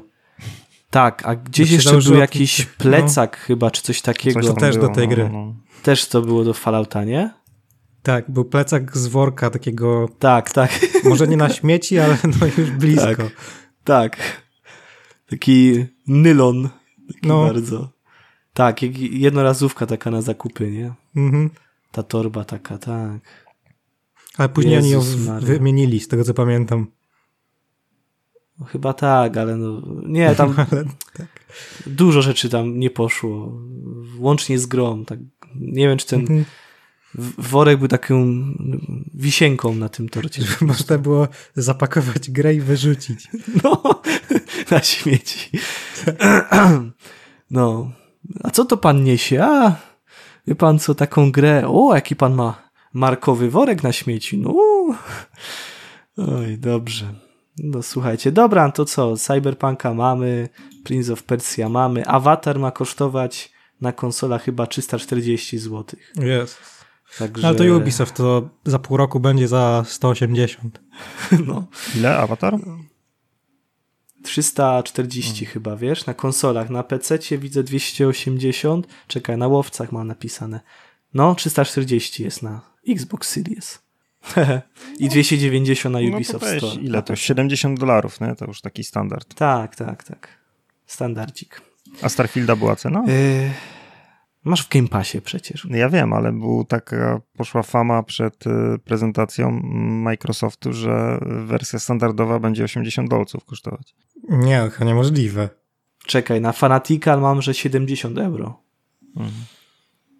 Nie, 70 standard Aha. edition. Aha, na Xboxie 80, to tak. Tak? 80? Na Xboxie, na PC masz 70. No. Czemu na Xboxie jest drożej? To jest bez sensu. być taniej. To jest marka Xboxowa. Na PlayStation powinno być Ty, To już jest 350, nie? Tak na luzie. 355 zł w przeliczeniu. Nie, a nie wiem, czy nie. Nie, przeliczyłem na Google. 355. No to dadzą ci za 360. Mm. Tak raczej nie sprzedadzę za 55. Musi być równa cena. No to będzie 349. Gierkę, pewnie. którą masz w Game Passie, nie? Możesz jeszcze kupić w pudełku no. za 360 zł. Eee, dobra, to ciszej na Czemu na Xboxie to jest drożej? To jest bez sensu. Chyba, że jakieś nie wiem, bajery są na e, Xboxie, ale no, nie sądzę. Nie, no, Alan, Wake też, Alan Wake w ogóle nie wyjdzie w wersji fizycznej i co, miał być taniej, a jest drożej, bo jeszcze podnieśli cenę. No, to jest w ogóle mistrzostwo. Zapowiedzieć, że nie ma pudełka, będzie taniej, kilka dni później no tak, a nie już. Odwidziało nam się. No, to było dobre. Pudełka może nie będzie, Mieliście ale szansę, trzeba było brać. Cały dzień mieliście na to. E, no z Baldurem też się wkurzyłem, bo z Baldurem podnieśli cenę z 200 na 250, a jeszcze wam chyba y, podcast temu mówiłem, że się zastanawiam na co wydać pieniążki. Mhm. Czy tam dwa podcasty temu. I kurde, nie kupiłem tego Baldura. Co prawda, no, złożyłem y, prośbę o wersję recenzencką, jak będzie premiera, no ale znając życie, pewnie się odstąpi to któremuś z was. Ehm, tak pewnie mm, będzie. To będzie ciężko, bo to wychodzi tylko chyba na PC i PS5. No, no to na PC mm. nie ogracie? Ty albo Tomek. Ktoś tam Nie wiem, czy mi to ruszy na PC. Muszę zobaczyć. No dobra, czy no, jakby co ruszy. jestem ja, wiadomo, nie? Ale... Mój laptop jest całkiem spoko, więc no, powinno ruszyć, ale muszę zobaczyć, to ma wymaganie. Nie, no ruszy, ruszy, ruszy. A co spokojnie, e, do Baldura jeszcze trochę czasu. Słuchajcie, jedziemy dalej. Future Games Show. To już tak może tylko. Znaczy, parę gier omówiliśmy, bo coś powiedzieliśmy o Lords of the Fallen, tak. coś powiedzieliśmy o Dedelic i Surviving Deponia. Co tam jeszcze? No przecież nie będziemy mówić o. Łajka była fajna. Age True Blood. O, to jest o łajce, czy tak tylko się tytuł Nie podobny? wiem, czy to jest o łajce, ale no Czekaj, muszę się aż, aż zobaczyć, to jest o faktycznie Nie, dobra, łajce. nie, dobra, ja teraz tu, nie, jakaś Metroidvania. Nie, no to jest takie postapo Metroidvania, gdzie się na motorku jeździ, ale... Aha, myślałem, że to o coś o łajce. Kurde, czy tam jest łajka? Czy tylko tak nie, nazwali? nie, to nie jest łajka, nie, nie, spokojnie. Ale nie, tam jest nie, jakiś bohater pies. Coś takiego, no, no może jest jakaś delikatna ta w sumie. Twórcy to nazwali no... jako Motorvenia, czyli trochę taka elastomania na tym, na postapo. A to już było coś takiego jak Steel Rats? To też nie było to Tak, nie ale to była zupełnie inna gra, to były bardziej takie wyścigi. Tutaj to jest e, typowa Aha. Metroidvania. Mhm, okay. Czyli takie no, el elastomania z walką. Oj, się grało w elastomanie. no. No dobra, to faktycznie, faktycznie taki piesowato wygląda. To może jest jakieś takie. Yy... Dobra, już. Pytanie, czy to Ruscy robią, ale chyba nie. Nie, no raczej nie. Nie no, Łajka jest w sumie znana na całym świecie. Dobra, tak. nieważne. To tak po prostu mi się rzuciło w oczy. Ale okej, okay, ładne. I będzie można zagrać w demo. I już sobie dodaję do wishlisty. Dzięki, To Robert. w ogóle wydają ci sami co Planet of Lana. E, Thunderful Publishing. Tak. Dokładnie, tak. Yy, oni mają takie ciekawe gierki w swoim e, portfolio. Też ogrywał Damian Lego Brick Tales. Chociaż tam aż tak dobrze to nie wyszło. Yy, były też te no Steam Worldy, no to wiadomo. No właśnie. A, bo oni są też od Steam Worldów. No. Hmm. No to tak, to jest spoko. O, bo jeszcze ten mm, The Gang. W 2022. To było w Game Passie i dosyć popularne mm -hmm, było. Mm -hmm. No i jeszcze masz y, Curious Expedition, to też jest ponoć świetne. A no, tak. Jako turówka, ale to jeszcze nie miałem okazji zagrać i pewnie już nie będę miał. No, czyli wydawca e... fajny. Wydawca spoko. Mm, jeszcze na tym Future Games Show było fajne Depressing, nie wiem jak to przeczytać, takie GTA, tylko że gra się policjantem zamiast e, złodziejem. A, było, było, no. To nawet spoko wyglądało. E, tutaj mamy jeszcze Layers, Layers of Fear, ale to Kamil się może wypowie na końcu. Sobie zostawimy tam gdzieś przed 22, taki krótki segmencik. Mm, Moving Out 2, na pewno Damer 1994. To bardziej Tomek by się jarał. No raczej nie. Tak, bo... A to nie wygląda tak fajnie? To mi się wydawało, że to może... Taki rezydent. No, no ja wiem, ale poprzednia, poprzednia no, część... No, no, no, Tomek strasznie jechał poprzednią odsłonę. To tutaj, ale 94 wiem, najlepszy rocznik. 84 dziwnie wymawiasz. Nie, 94. No, co ty, tylko orwellowski rocznik. Ty, 9, na trzecim screenie na Steamie, na karcie tej gry, to chłop wygląda podobnie do tego bohatera z Chroma. O kurde. Ale to Polacy mm. tego nie robią, więc hmm, nie, nie. nieważne. Ale tak koleś dziwnie wygląda jak ten koleś z Chroma. Starusieńka gra taka była kiedyś. Ale to... Poprzednia odsłona to chyba był 1998, nie? Mhm. Hmm. Czyli cofają się w rozwoju. Cofają się. Ja ci powiem, że ta gierka, jak była gdzieś w pomieszczeniach, to ona całkiem nieźle wyglądała. Miała nawet trudne zagadki. Grałem to w trochę. E, fatalnie się strzelało, ale kurwa, jak opuściłeś e, jakieś pomieszczenia i była taka gra w otwartym, znaczy nie w otwartym świecie, ale że był krajobraz, nie? I ten zakres rysowania obiektów i to w jaki sposób to wyglądało. Kurde, to jakby rzeczywiście to była gra z 98 roku. Więc y, grałem kilka godzin w to, nie ukończyłem tej gry. A no, taki średniak. Ja nie powiedziałbym, że to było niegrywalne albo że żeby to było jakieś totalne gówno.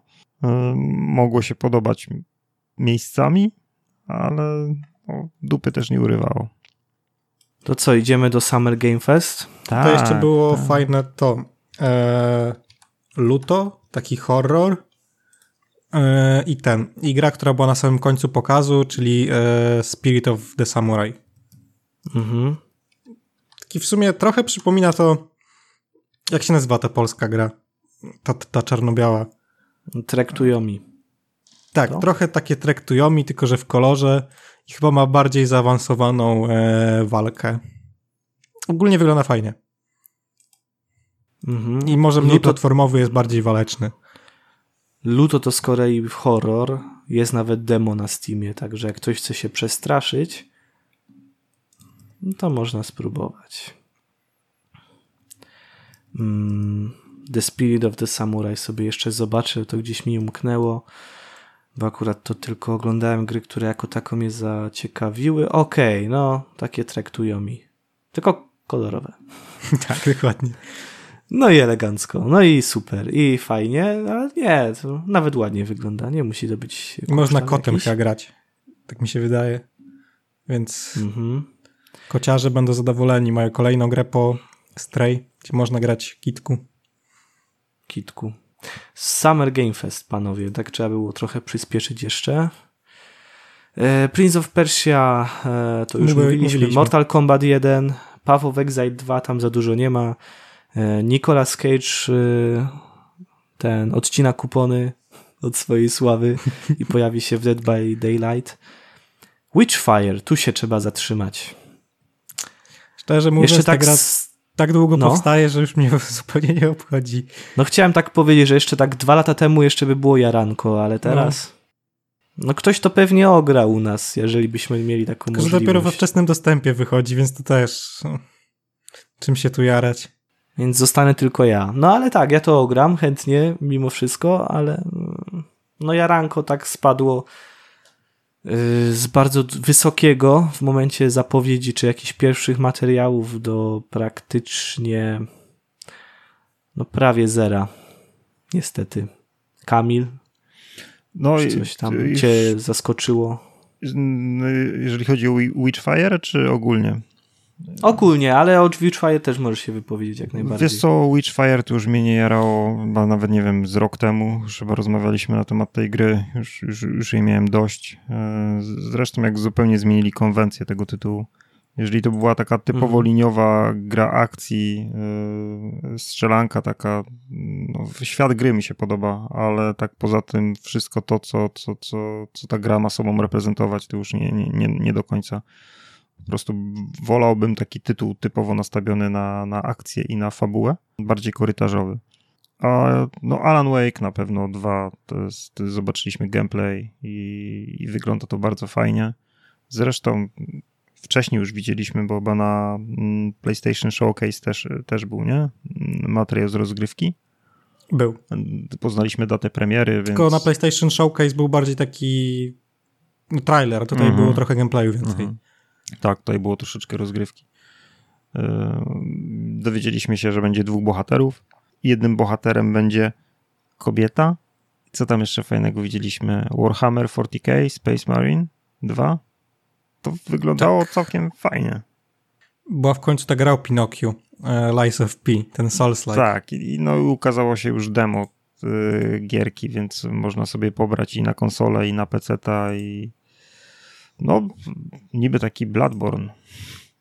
Nie, nie gram, nie grałem jeszcze, nie, nie sprawdzałem, ale ponoć e, całkiem niezłe. No mi się bardzo podoba akurat to Lies of P. Chociaż no w demo nie grałem, więc się nie wypowiem. Czy faktycznie w ruchu tak fajnie wygląda jak na zwiastunach. Mhm. Ale tak podsumowując, to e, Summer Game Fest uważam, że było najsłabszą z wszystkich konferencji i nawet PlayStation Showcase. W związku z tym, że było pierwsze, to, to, to zobaczyliśmy tam ki kilka fajnych gierek.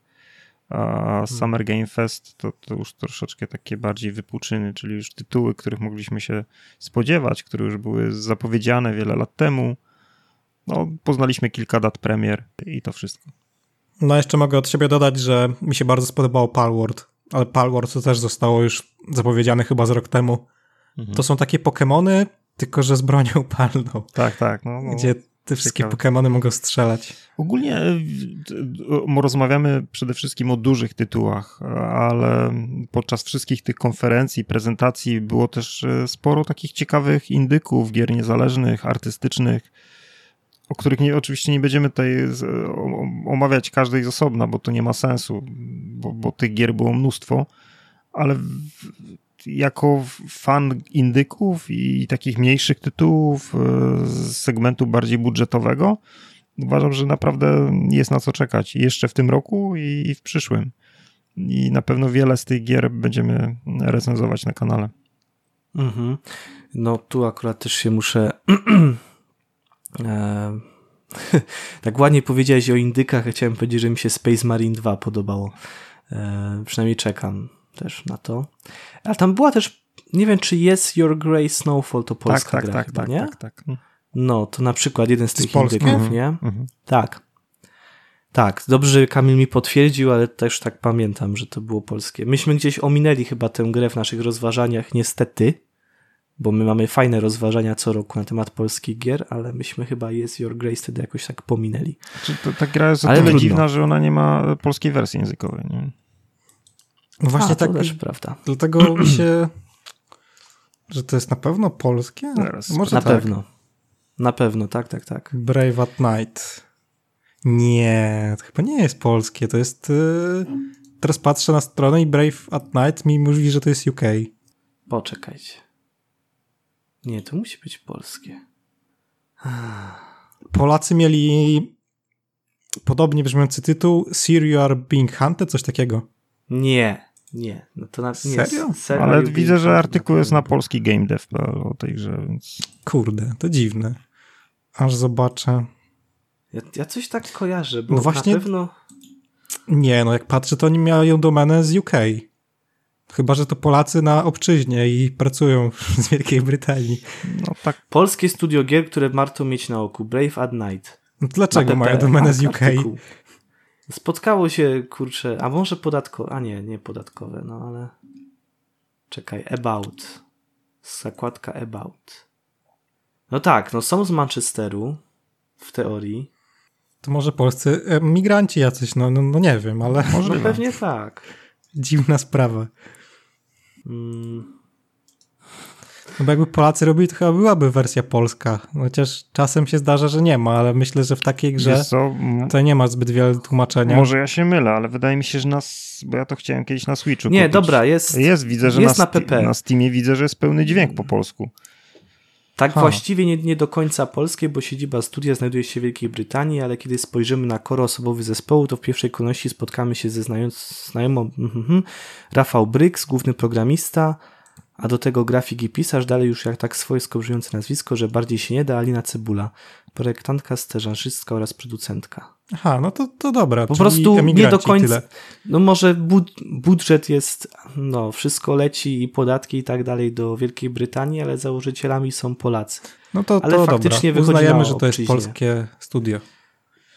No, tak samo jak no, dobrze wiemy, że ci, co robili Atomic Heart, no to też Rosjanie, a nie Cypryjczycy, nie? Mm. tak, a tutaj dziwna sytuacja, bo ja tak patrzę teraz na gry online, to ta gierka jest po polsku tylko na Steamie, na PC, a na Xboxie i na Switchu jest po angielsku. I dlatego mówiłem, że nie ma mhm. polskiej wersji językowej. Przy czym pełny dźwięk po polsku tam pewnie nie ma dźwięku. W sensie mhm. to jest tylko brzdąkanie, a nie ma tam dialogów, nie? Czyli twórcy strasznie nas mylą. Ale no. Ta gra zebrała pozytywne opinie z tego co pamiętam, więc chyba mhm, polecamy. Mhm, bardzo, tak, tak. bardzo, bardzo. To jest jeden z lepszych indyków, takich nawet z ostatnich lat. Może nie jakiejś ścisłej topki, ale no, szerokiej wiesz, no, już. 6,5 tak tysiąca recenzji na Steamie to już jest coś, nie? No i 90%. Bardzo nie? pozytywne. My tak na przykład sobie gadamy o. Pamiętacie tą grę Mutant Year Zero? Mhm. No. To jak sobie tak zobaczycie yy, opinii, a to wyszło 4,5 roku temu. Mhm. 12 tysięcy opinii, prawie. Prawie, 12. Mutant Year Zero, a teraz Miasma Chronicles, już trzecia gra tego studia, w podobnym nawet klimacie i, i ta sama jakby rozrywka. Mhm. 460 ocen. Totalny zjazd po prostu, ale taki naprawdę totalny. Nawet nie jakościowo, bo ocenowo jest podobnie, tylko Ech, no. Łatwo można sobie ten, ten, ten kapitał spieprzyć po prostu. A to Mutant Tier Zero, tak? Mhm. Chodzi no, mi o studio, nie? Że robili A. grę na, na 12 tysięcy opinii, która była no, bardzo przez taka, 5 wiecie, lat no, uzbieranych, ba... No ale ty, y, większość recenzji powstaje gdzieś, wiesz, w pierwszym pół roku, mhm. nie? Mm, a tutaj ich już kolejna gra już tak nie grzeje. Już zupełnie no, nie mieli no, jest... Corruption 2029. A to też taka gra Tylko na Epiku i tylko za tak, dwa tygodnie przed. No, u nas była recenzja. Mhm. No, dwa tygodnie przed to nawet była filmowa informacja. Tak, Jedna z tak, pierwszych tak, tak, filmowych, tak, mi się wydaje. To był tak. ten YouTube 0,5. E, Dokładnie. Dobra, w sumie nie wiem, czemu tak o tym wspomniałem. Nie, ale... no ale rzeczywiście, wiesz, ale wydaje mi się, że kwestia takiego settingu. Mutanci mieli zajebiste zwiastuny przed premierą, takie bardzo filmowe. Wspomniałeś, bo ten, bo pokazywali Miasma Chronicles na którejś z konferencji. No właśnie, no i ja to, ja to ogrywam. Oj, oj, oj.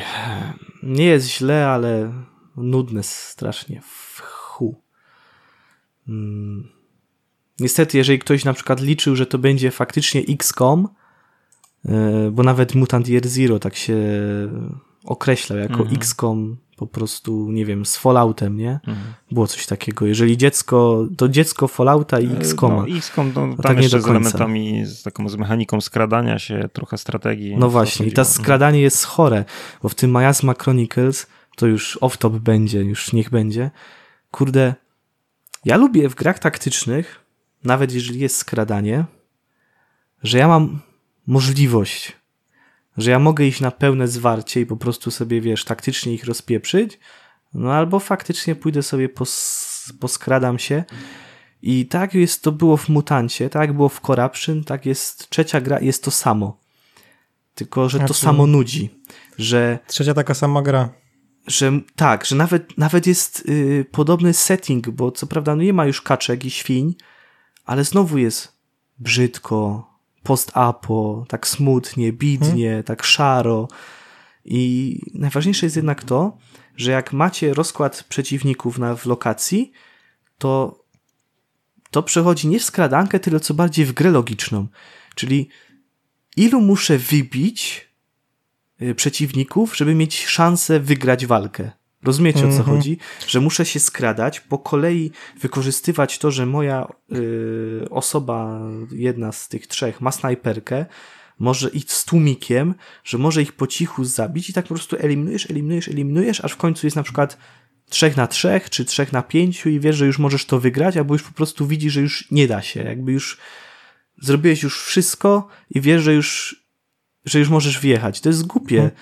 To, no. to nie jest taktyka. Taktyka to jest wtedy, kiedy ja mogę sobie, wiesz, tak w piłce nożnej, albo ofensywnie, albo defensywnie, albo z kontry, albo tak. A tu muszę zrobić inaczej, bo inaczej nie wygram. Właśnie miałem podobny problem grze. w tym, w Divinity Original Sin 2, gdzie w pierwszej części te wszystkie mechaniki z beczkami, bo tam się można było niszczyć beczki na przykład i się rozlewał olej ten, i ten olej mogłeś mhm. zapalić na podłodze. To w pierwszej części to było takie fajne, ułatwienie walk dla spostrzegawczych, że ktoś zauważył w tle beczkę, mógł sobie ją przenieść, mógł umieścić na polu walki i dzięki temu mieć korzyść. A w dwójce to się stało taką korową mechaniką i te walki były bardziej zagadkami logicznymi z odkrywaniem tych zależności między beczkami, trucizną, gazem i tak i dalej. No to tu jest Więc tak samo. To przestało być fajne, to się stało zbyt logiczne, a mniej taktyczne. I Bo no to miałem wiesz, problem, y, że nie mogłem tak grać przykład... tak jak chcę, tylko musiałem grać tak jak twórcy sobie zaplanowali walkę. Tak, i tu jest tak samo. Twórcy też ci planują walkę.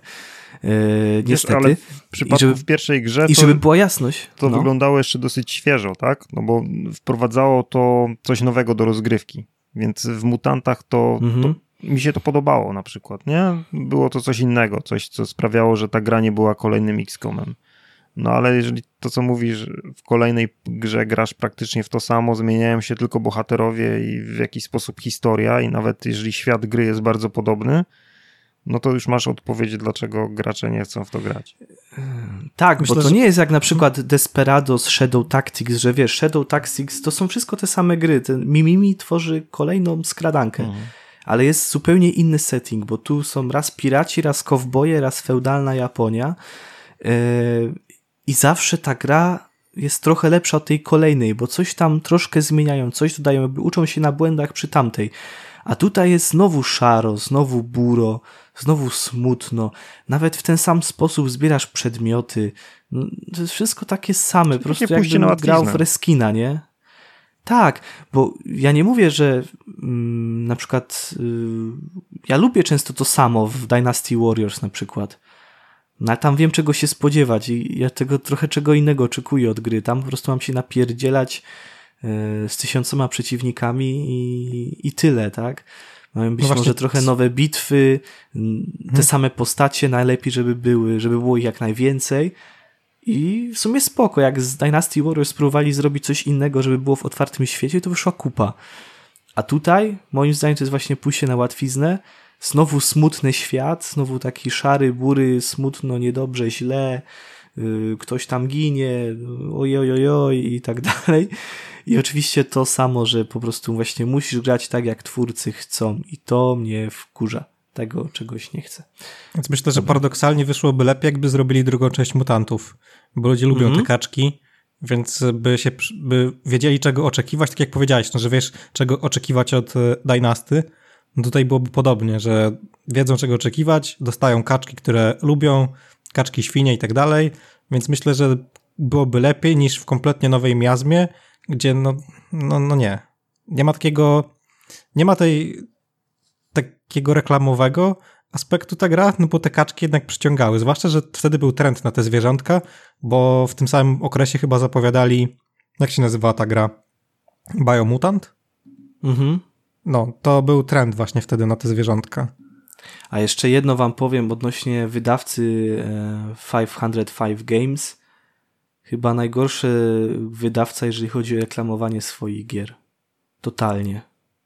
Sprawdźcie sobie Strayblade, Total Tank Generals. To są tak, tak. wyglądają ciekawe gry, które po prostu nawet serial Cleaners, które nie przebiło się nawet w Polsce w sumie. Nie wiem, Właśnie czy, oni mają taki problem, bo oni mają zarówno te większe i mniejsze tytuły i te większe dostają no, znacznie lepszą promocję. Mam wrażenie, że tamte są spychane na boczny tor, bo Ghost Runnersi są chyba od 505, nie? Mhm. No i oni mają promocję. No tak, ale reszta teraz to wszystko ale reszta, leży. No, gry od, tak, dokładnie. Gry od Remedy przecież tak samo, nie? Control chyba też było wydawane przez tak. 505. Tak. Dead Stranding na PC też było wydawane przez 505. Ale te gry się jeszcze bronią, wiesz, jakby jakością, ale mm. na mhm. przykład y, Crime Boss, Rocky City, mm.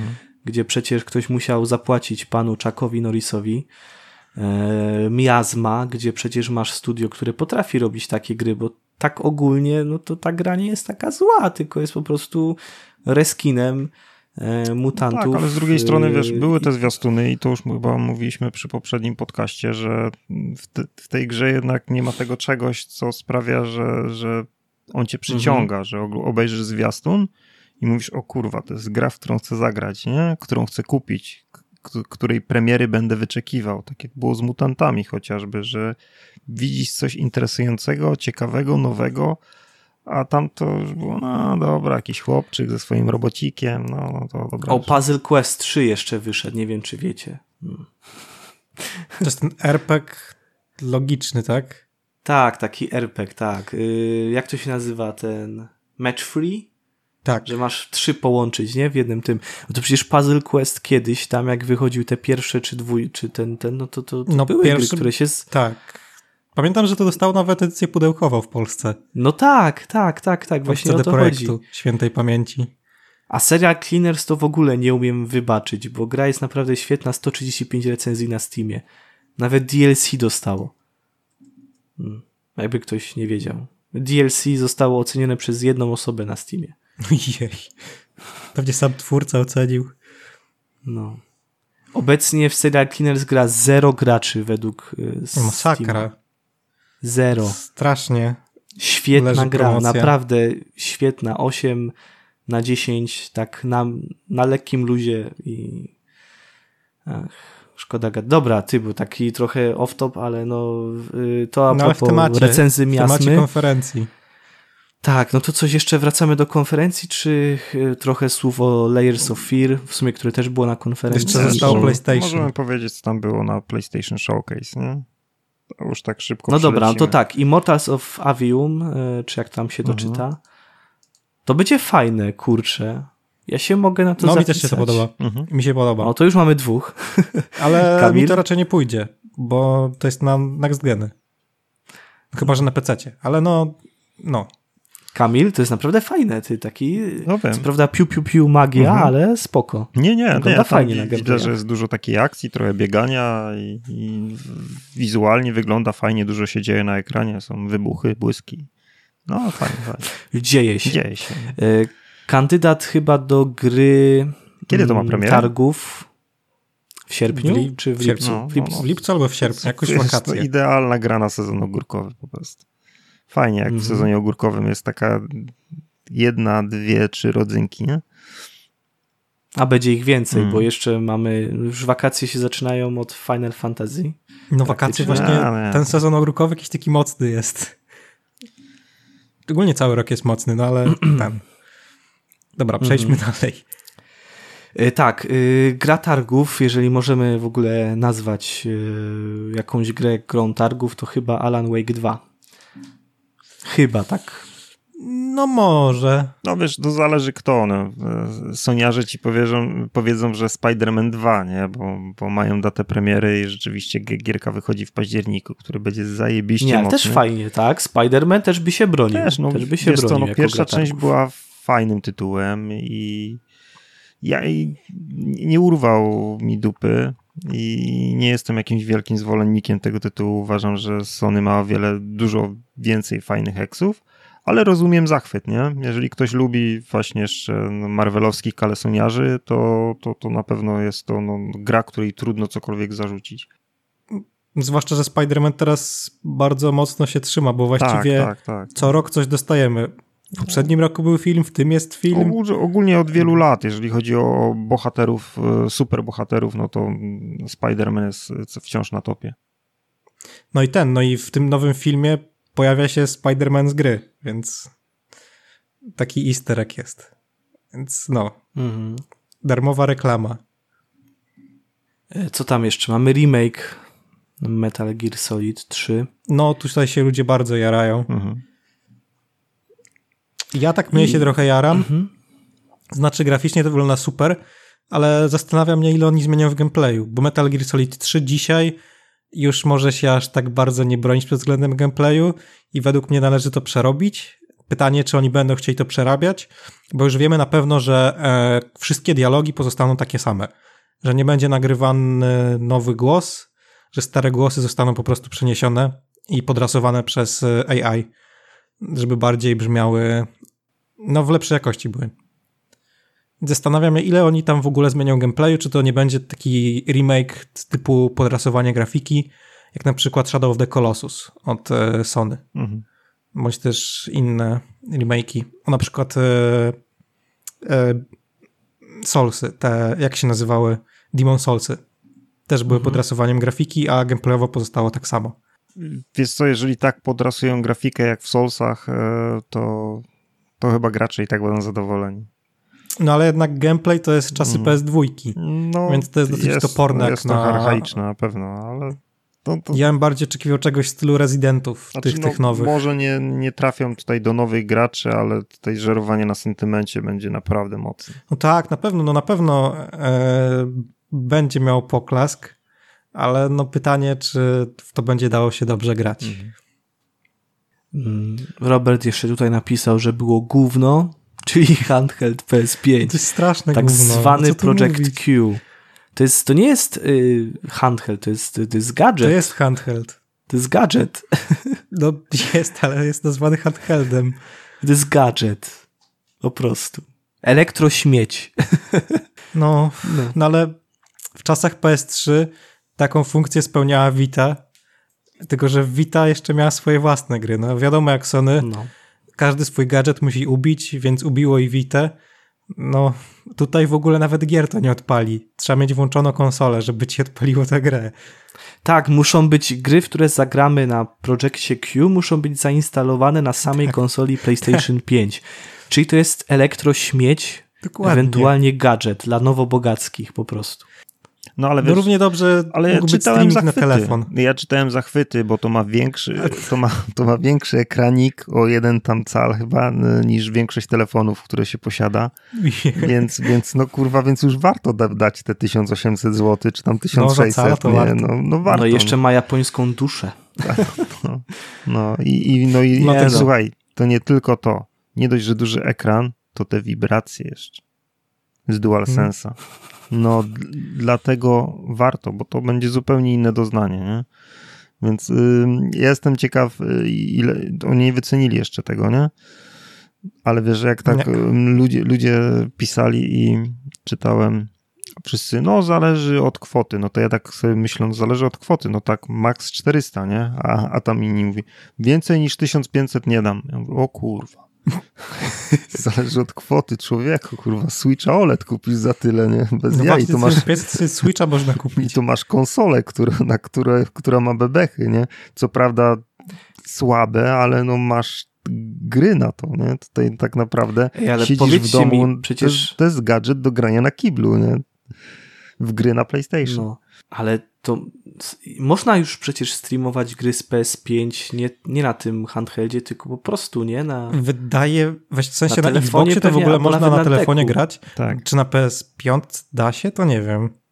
Chyba tak. Nie, nie wiem, nie jestem Chyba pewien, czy, czy, jest taka opcja jak na e, e, Xboxie.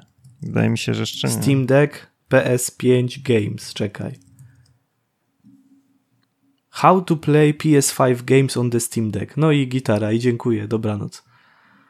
No. Można. Czyli A na zwykłym możecie... telefonie można? A chyba też. No, no właśnie to na Xboxie jest fajne, że można sobie iść na kibla z telefonem w ręku i grać tam. Ewentualnie A... możesz sobie kupić taki porządny uchwyt, nie? Do, który montujesz mhm. i wtedy tak, tak. telefon jako, jako wyświetlacz masz pomiędzy. I, no i Wiecie jest to co? tańsza Chyba opcja. No. Się... No. Za kilka stówek. Chyba już. się da. To jak się da, Chyba. to w ogóle ten handheld nie spełnia żadnej roli. Przecież można sobie na telefonie pograć, zamontować uchwyt, no i tyle. Jak ktoś chce większy e, ekran, to niech sobie kupi tableta. Ajajaj. Szczególnie jest śmieszny, no. bo on wygląda tak jakby do tego ekranu po prostu doklejono tego pada przeciętego na pół. Mhm. No trochę tak. No to prawda. E, no to co, to chyba mamy odfajkowane e, showcase'y wszystkie. Bo jeszcze Dragon's Dogma. Dwa no. na PlayStation, to ludzie się też jarali. Prawdopodobnie dzisiaj o 24 też będzie pokazany, bo jest jeszcze Capcom Showcase, którego już nie omówimy z siły wyższej. Jedynie co możemy powiedzieć to to, że Capcom ma naprawdę dobrą serię i chyba wyrasta na razie na takiego, nie wiem, najrzetelniejszego dewelopera? Może być takie słowo? W kontekście Capcomu? Bo tak w sumie co mają to dowożą od paru No lat. to prawda. Nie ma tego dużo.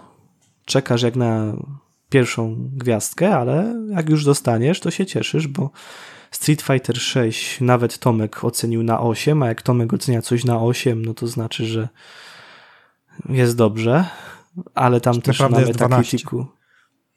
No, na, na Tomkowe. Moje, moje 9 to jest na Tomkowe 6,5. Grało mi się bardzo dobrze, bardzo dobry tytuł, przyjemna gra, świetny gameplay, 6 na 10. Ale było tak przecież, nie? Była recenzja było... Kultik, nie? Nie, nie, to nie było Kultik. z Kultikiem. To było tak, w tym ostatnim... było z e, Kultikiem. Z Kultikiem? Bo też było podobnie... Z Kultikiem było, że Tomek... W Warhammerze ostatnim. Bo Kultik ma... Nie. Jeszcze było na... Kultik był 98% jest recenzji na Steamie pozytywnych. No na 4000, także ludzie się raczej nie mylą. Tomek też nie, bo Tomek pisał, zajebiste, fantastyczne, po prostu super się gra, no genialnie, 7 na 10. No ale to właśnie... Kto to czytał w ogóle? Ktoś to, nie wiem czy to nie ja czytałem. Kultik ja czy czytałem. ty czytałeś? No. Ty czytałeś. A ja, ale ja to składałem, tak. Być może. I chyba nawet wtedy do mnie napisałeś, że o co chodzi? czytasz, czytasz tekst, wszystko zajebiście, potem musisz powiedzieć ocena końcowa 7 na 10. Jeśli podobał Ci się materiał, zostaw łapkę w górę. I ty wiesz, jak ktoś ogląda taki filmik, to ma takiego ząka później, kurwa, okej, okay, dobra, przesłyszałem się, nie muszę wrócić. Nie no, ale patrz. Dlatego, yy, wiesz co, no bo ciężko rzeczywiście jest czasami niektóre tytuły tak podsumować cyferką, nie? Więc y, nawet się zastanawiam właśnie, czy nie zrezygnować y, z ocen końcowych. Niech po prostu tak podsumowanie, no, recenzja niech mówi sama za siebie, tak? No, ma tak dużo treści, że każdy powinien sobie z tego mm, sam odpowiedzieć, czy chce w to zagrać, czy nie chce, więc y, a ludzie po prostu czepiają się czasami tej liczby, nie? Mają recenzję i, i jest tekście, co jest tak dobre, co jest złe. było ale kurwa, no jest ta liczba i po prostu ich to boli, nie? Więc przy Diablo czy przy Franco, gdzie, gdzie, gdzie, gdzie recenzja sama w sobie nie jest krytyczna, jeżeli chodzi o, o samą grę, o sam gameplay, ale no, ocena końcowa dla mnie akurat jest taka, nie inna. Więc. Yy... To, yy, Kamil, ale ty się dziwisz. Jak ja czytam teraz newsa na gry online, Sony oczekuje 90% na Metacritic, studia firmy przed dużym wyzwaniem. Hmm.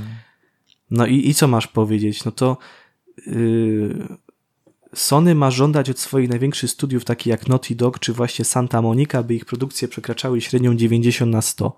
A później takie no, rewelacyjne Days Gone nie dostanie e, drugiej części, bo, bo nie wyrobiła się, jeżeli chodzi o... Wiesz co, no to samo Sony pokazuje, jakie jest małostkowe, że tak naprawdę się mm, na tym opiera, bo to nie, nie o to chodzi zupełnie, więc czasami gra 7 na 10, 6 na 10 może być dla kogoś o wiele lepsza i bardziej wartościowa niż, niż taki ekskluzyw Sony, który jest oceniany na 10 na 10 czy 9 na 10.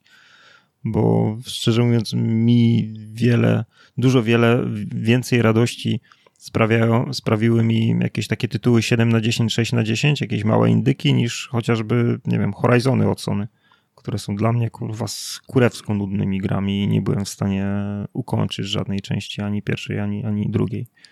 No za dużo tych dziewięćdziesiątek nie ma w tym roku, chociaż jakby rok jest przepotężny, nie?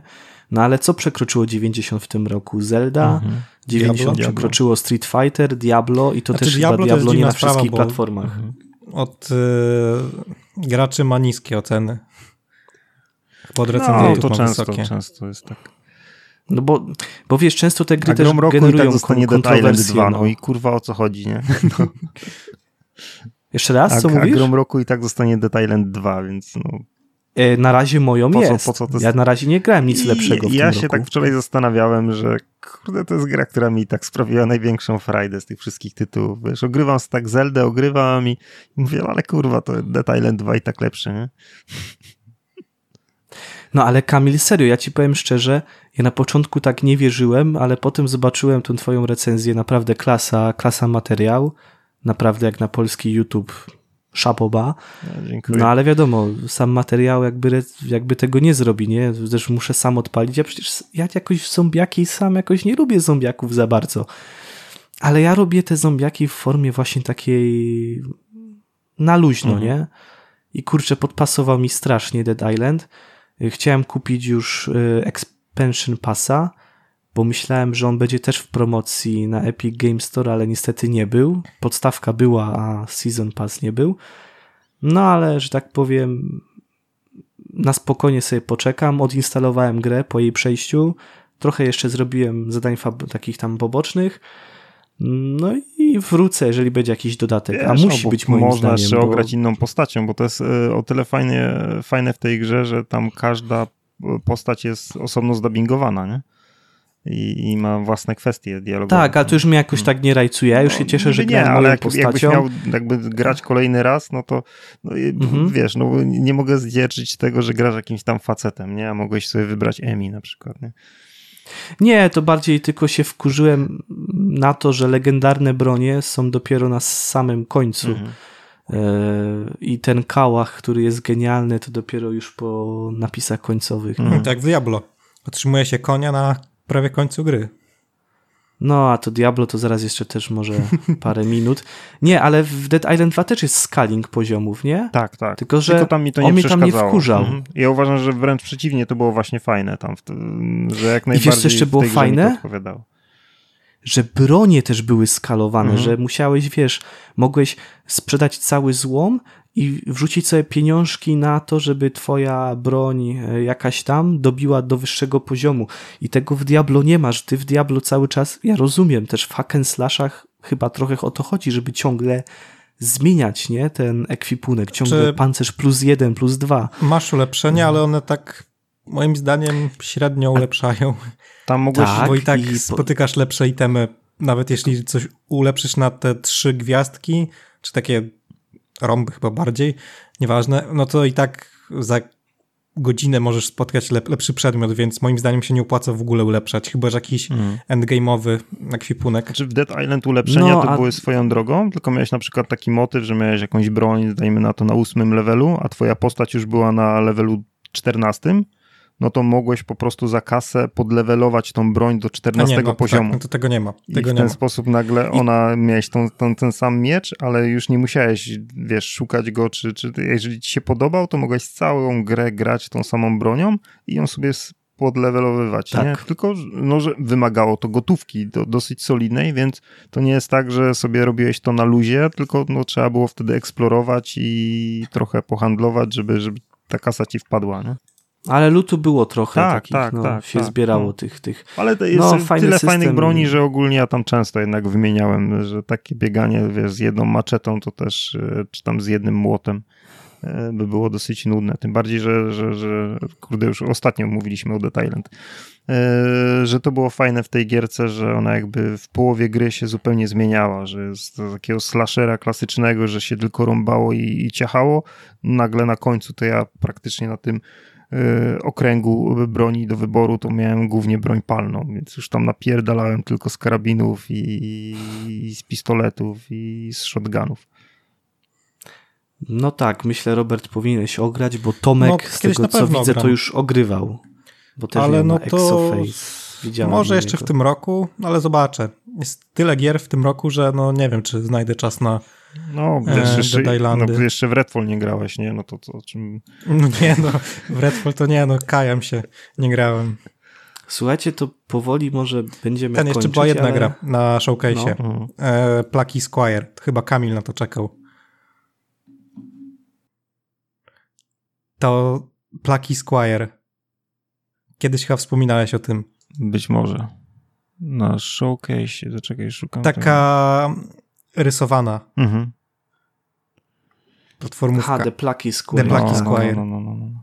Jest co, kurde, dużo było fajnych e, takich właśnie platformówek i jakichś mniejszych e, indyczków na, na tych e, pokazach, więc ale ja mam, kurde, słabą pamięć do tytułów zupełnie. Devolver miał mm. tam parę znowu mm. takich. No ale Devolver to pokazał cztery gry i tyle. No ale na konferencji na e, Xbox Games Showcase też było kilka takich mniejszych tytułów, które mi się podobały. Jeszcze jest Baby Steps, nie? Mm -hmm. Na przykład. To De Devolvera. To jest od twórców, tak. znaczy twórcy Getting Cover with, with Bennett Toddy, tak się nazywa ta mm -hmm. gra? Gdzie się grało mm -hmm. tym gościem w garnku i się kilofem pokonywało skały. To tutaj się gra gościem, który nie umie chodzić i musimy stawiać kroki ręcznie. Trochę tak. przypomina to symulator chleba, gdzie też trzeba było tym chlebem stawiać ręcznie kroki. No ten. A co się no z taka... muminkami stało, powiedzcie mi? No właśnie. Hmm. No. Nie było ich nie było na tej konferencji. w czerwcu. A my, nie było. A my czekamy na muminki. No. no. Kasjan najbardziej. Można by. Y co tam jeszcze? To, a może o Diablo coś opowiecie? Graliście. Ej, da, rzadko się tak zdarza, że w redakcji były trzy osoby, które kupiły grę na premierę. Chyba pierwszy raz mieliśmy taką znaczy, sytuację. nie no, Tomek dostał. No, no to Tomek dostał, a, co to, a, a wy się sfrajerzyliście. Taki gówno, No, my się gówno. To znaczy- gówno na komórkę kupiliście za 350 zł. Ja się śmiałem, że to trochę zadziałał sy syndrom FOMO, Mhm. Fear of Missing Out. No ale tak wszyscy grali, mi się ta beta No. nawet jako tako podobała. No, mi się nie podoba ten scaling poziomów i... Ta gra ma straszne FOMO. Jezus, No, ja nie potrafię grać w fabułę główną. Ja w ogóle nie zacząłem aktu pierwszego. Jestem po, tuż po prologu. Oczyściłem chyba cały, znaczy z trzy czwarte tego świata i w ogóle ni nic nie ruszyłem fabuły. Gram w to chyba z 30 godzin, mam 35 level. Nie wiem, straszne FOMO jest w tej grze. Hmm. No ja mogę tylko tyle powiedzieć, że kampania spoko. Ja skończyłem pierwszy akt. Co mnie bardzo wkurzyło i pierwszy raz chyba to widziałem w grach, chociaż mm, nie wiem, może się mylę. Ale jak masz w lewy, lewym dolnym rogu, masz czasami te, wiesz, no tak jakbyś czat miał, nie? Że Mhm. tam czasami informacje się jakieś tam, że ktoś ciebie zabił, czy tam, wiesz o co chodzi, nie? Na No. lewym dolnym rogu masz czasami taki czat, jakby informacje, które się pojawiają. I spróbuję znaleźć screena, żeby wam, bo chyba zrobiłem. Albo i nie zrobiłem, ale informacja wyszła z gry, taka, właśnie tam na tym lewym dolnym rogu, że zaraz skończy się pierwszy akt. Hmm. Po prostu y, jesteś blisko ukończenia aktu pierwszego. Wy takie, czekaj, zaraz, zaraz wam to powiem. O, jest. Nie. Y, Akt pierwszy, wiara zimna jak stal jest blisko ukończenia. Ty, po co mi to, po co mi takie, taka No to informacja? są takie naleciałości z MMO. No ale, ej no, to, to już, już głupie to jest, przecież to jest... Jest strasznie głupie, ale no to jednak są te rzeczy wzięte z MMO, mi też nie odpowiadają niektóre takie mechaniki tego Diablo. Tak, ale to mi zabiło całą, wiesz, radochę z tego ukończenia tego aktu. No tak, to nie ma takiego suspensu, że czy to już, czy to już, a tu ci gra mówi, no ma, masz koniec. Bo Tyle. ja nie wiem, wiesz, gram sobie, mam 23 level, sobie elegancko grywam grę. Mm, Też nie robiłem cały czas kampanii, także to nie jest tak. Tylko po prostu sobie wrzuciłem już w końcu tę kampanię. No i zaraz mam blisko ukończenia akt pierwszy. Mówię, aha, fajnie. No mogłem się spodziewać, że już jest blisko, ale ej, to jest takie smutne. Czemu w ogóle? Po co taka informacja? Był przynajmniej rozumiem. filmik Ale na gra koniec się- aktu? Yy, wiesz co, było coś. Tak, było A to coś. dobrze, filmik przynajmniej był. No tak, ale. No. No i co? Scaling y, jest beznadziejny. Nie, no scaling to jest masakra. Ja myślę, że oni to naprawią w którymś patchy. A to już mi się nie będzie chciało grać. Chyba, że w barbarzyńcę. Na to narzekają-. No, z 3 czwarte graczy na to narzeka. Na to nie narzekają, tylko tacy bardziej casualowi gracze, którzy po prostu wchodzą, żeby sobie pobić potworki. Ale ci, to tak, bardziej, ci ci bardziej kompetytywni, ci, którzy bardziej chcą się wczuć w mechanikę, czuć progres postaci, no to na to strasznie narzekają. Że No no, to zabija przyjemność z Z levelowania. No. Wiesz, jeżeli zawsze y, ten potwór y, w tych twierdzach na przykład ma dwa, y, ma dwa levele więcej, Mhm. zawsze, nawet jak w trakcie zdobędę level, w trakcie jakby tuż przed jego, przed walką z nim, on i tak będzie już level wyżej, Właśnie to jest takie chamskie strasznie. to jest że bardzo chamskie. level w trakcie przechodzenia lochu i wraz z tym zdobyciem levelu ci potwory już zmieniają swój level. Ale jaki jest No. sens levelowania Tak. w takiej sytuacji? Umiejętności.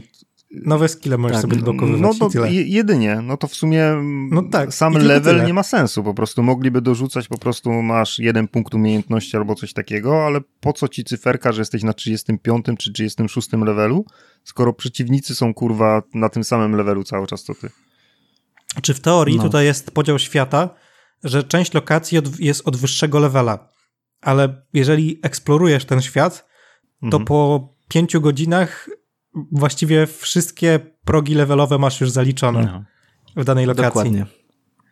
Więc to nie ma No. sensu. No tak, równie dobrze mogli powiedzieć, że od, pewnej, od, od zdobycia pewnej umiejętności, dajmy na to, jest ta część świata dla ciebie Mhm. otwarta. No więc, y, To był nawet fajniej, bo to był taki element metroidwaniowy, Mhm. że musisz mieć skilla, żeby przejść do danego świata. Mhm. No ale, no nie wiem, ja myślę, że oni to naprawią prędzej czy później. Jeśli nie, to bardzo się zdziwię. Bo to naprawdę odrzuca od gry. Odrzuca i na razie dlatego tak nie mam. Znaczy, nie powiem, Ciebie, że Robert jakoś tak nie pieniądze. chce odrzucić, coś ci powiem, że... Nie, ja w to wbrew pozorom aż tak dużo nie grałem. Ja No, grałem ale- z 30 godzin w to, No to więc od premiery nie minęło aż tak dużo, cza- Mhm. aż tak mało czasu. Myślę, że są więksi maniacy, którzy już prz- poprzechodzili tę grę ze dwa razy. No tak, ale Kamil, wiesz, przecież twoja twitterowa bańka, czy moja, Mhm. to tam przecież levele po 50 chodzą, nie?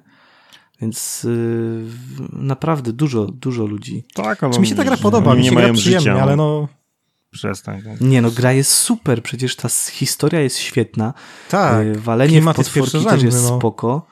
Yy, oczywiście Potwory bije się się... strasznie przyjemnie, ale no Mhm. są takie rzeczy, które sprawiają, no, że to nie jest gra idealna i ciężko jako taką ją określić. Osobiście nie jest to moje ulubione Diablo, mimo że gra się mi chyba... Gra się... Ogólnie sam e, takie podstawy są lepsze niż w trójce, ale szczerze mówiąc sama struktura mi się bardziej podobała w trójce, bo to była bardziej liniowa gra. Tam te otwarte lokacje były bardziej tak... E, no się przewijały. Na przykład była pustynia, czy coś w tym stylu. Mhm. Ale no, bardziej się szło z kampanią. A tutaj ja Chociaż- po prostu zostałem wrzucony w świat, no i lub, rób Mhm. sobie co chcesz. Wiadomo, te Diablo jest mroczniejsze, mm, ale i tak zestaw jakby w takich hack and slashach często jest skończony. Czyli komnaty, podziemia, Mhm. zimno, smutno, tundra, bagno, no wiadomo. e, Nie wiem, Van Helsinki mogły być bardziej kolorowe, bo to jednak steampunk i tak dalej. A tam też było dosyć mrocznie. Jednak... Proszę? W tych, Van Hels- w tych Van Helsingach też było dosyć mrocznie. Ale tak było też bajecznie momentami, to zależy, ale też było mrocznie, tak, no bo jednak y, za dużo nie wymyślisz w hack slashach, no taka prawda, no czasami No. musi być zimno, gdzieś musi być smutno, gdzieś musi być groza, gdzieś musi być y, pustynia też oczywiście, wiadomo, no nie za dużo nie wymyślisz, no. Przewijają się takie bardziej e, różnorodne hack na jakieś. przykład, nie wiem, Bastion. Bastion to był hack and slash, a tam się bardziej w takich kolorowych mapkach grało. Tam się skakało między tymi lewitującymi wyspami, z tego co pamiętam. No ale w. Diablo to nie, No w Nie Diablo, no nie, no Diablo musi być mroczne, bo Tak. inaczej to nie jest Diablo. Aha, ale y, nie zauważyłeś, Robert, czegoś takiego, jak grasz na przykład w tych podziemiach, że mm, niby wydaje się, że te eventy są. Jest jakaś duża ilość, a tak naprawdę jest bardzo skończona ilość. Tam jest Wchodzisz na przykład sobie do eventów. jaskini i jest też motyw zawsze, że ktoś tam potrzebuje pomocy. Mhm. Często jest ten sam motyw, że. Tak, ja już przestałem w ogóle robić te eventy. No. Zrobiłem no, no. pulę chyba wszystkich, które były i już to I dziękuję, olewam. nie? No. Ja też dużo nie byłem w tych lochach, a już chyba też prawie wszystkie. Czy, Czy lochy czy są bardziej różnorodne? Lochy faktycznie są bardziej różnorodne, bo trafiają się inne rzeczy, które musisz zrobić w tych lochach. Mhm. Ja chyba skończyłem no, z 3 czwarte lochów w tej pierwszej lokacji. No i część się powtórzyło oczywiście, ale no jednak było więcej różnorodności niż w tych eventach. A Najgorsze są chciałbym. te eventy Mhm. w świecie, e, w tej otwartej mapie. Gdzie tam przechodzisz i te potwory ci się zaczynają bić, bo się event włącza. Nie wiem, mi to nie pasuje. No, jest dużo jeszcze takich, tak, tak, tak, też nie. Ale jeszcze jedna rzecz odnośnie mikrotransakcji. Oczywiście one nie są e, na ten moment przynajmniej inwazyjne, ale podliczyłem sobie, żeby kupić wszystkie skórki do wszystkich postaci, do wszystkich klas, potrzebujesz około 40 tysięcy Mhm. punktów blizzardowych, co daje nam jakieś 400 euro około. No Mm. tak. Tam Musisz kilkukrotnie kupić grę, żeby kupić wszystkie skórki. 20 euro za jedną skórkę. No, Przecież to no, jest dramat. To jest dramat. dla mnie to jest Kosić takie frajerów, frajerów tak trochę. naprawdę. No i No, uważam, że dokładnie. jeżeli, jeżeli takie gry mają zarabiać na kimś, to na frajerach. To, to No. nie są rzeczy, które w jakiś sposób sprawiają, że jesteś mocniejszy w grze, tak? Jeżeli masz widzimisię i chcesz Ja mieć, wiem, tylko to jest y, smutne, że kupujesz grę za 320 zł i Nie, nie, nie. Dla mnie to nie jest smutne, kolejne bo, 4 razy. bo nie musisz zapłacić. To jest widzimisię. Właśnie nie Kolejna musisz. skórka to jest widzimisię. Ta gra równie dobrze mogłaby działać tak samo, będzie tak samo działać bez tych skórek. Więc jeżeli Mhm, to nie ja jest jakaś, jakiś element, który wpływa na rozgrywkę, to uważam, że to twórcy mogą sobie w każdej grze robić takie sklepy i, i wystawiać sobie to za 300, 400, 500, 600 zł. Uważam, że jeżeli są idioci, którzy to kupują, to dlaczego nie? Koszenie frajerów. No, No, mam okej, sobie ja podobne zdanie. Ja nie wiem, co by się musiało stać, żebym kupił skórkę za 100 zł. No nie wiem, co by się musiało stać. Nie, tylko ale jeżeli tylko jest, no powiedzieć, to że można golić frajerów, a jeżeli gra się niczym nie zmienia, no to spoko. Ja, ja chyba tylko ten sklepik od, odwiedziłem raz, zobaczyłem, co tam jest, no i przez resztę to olewam.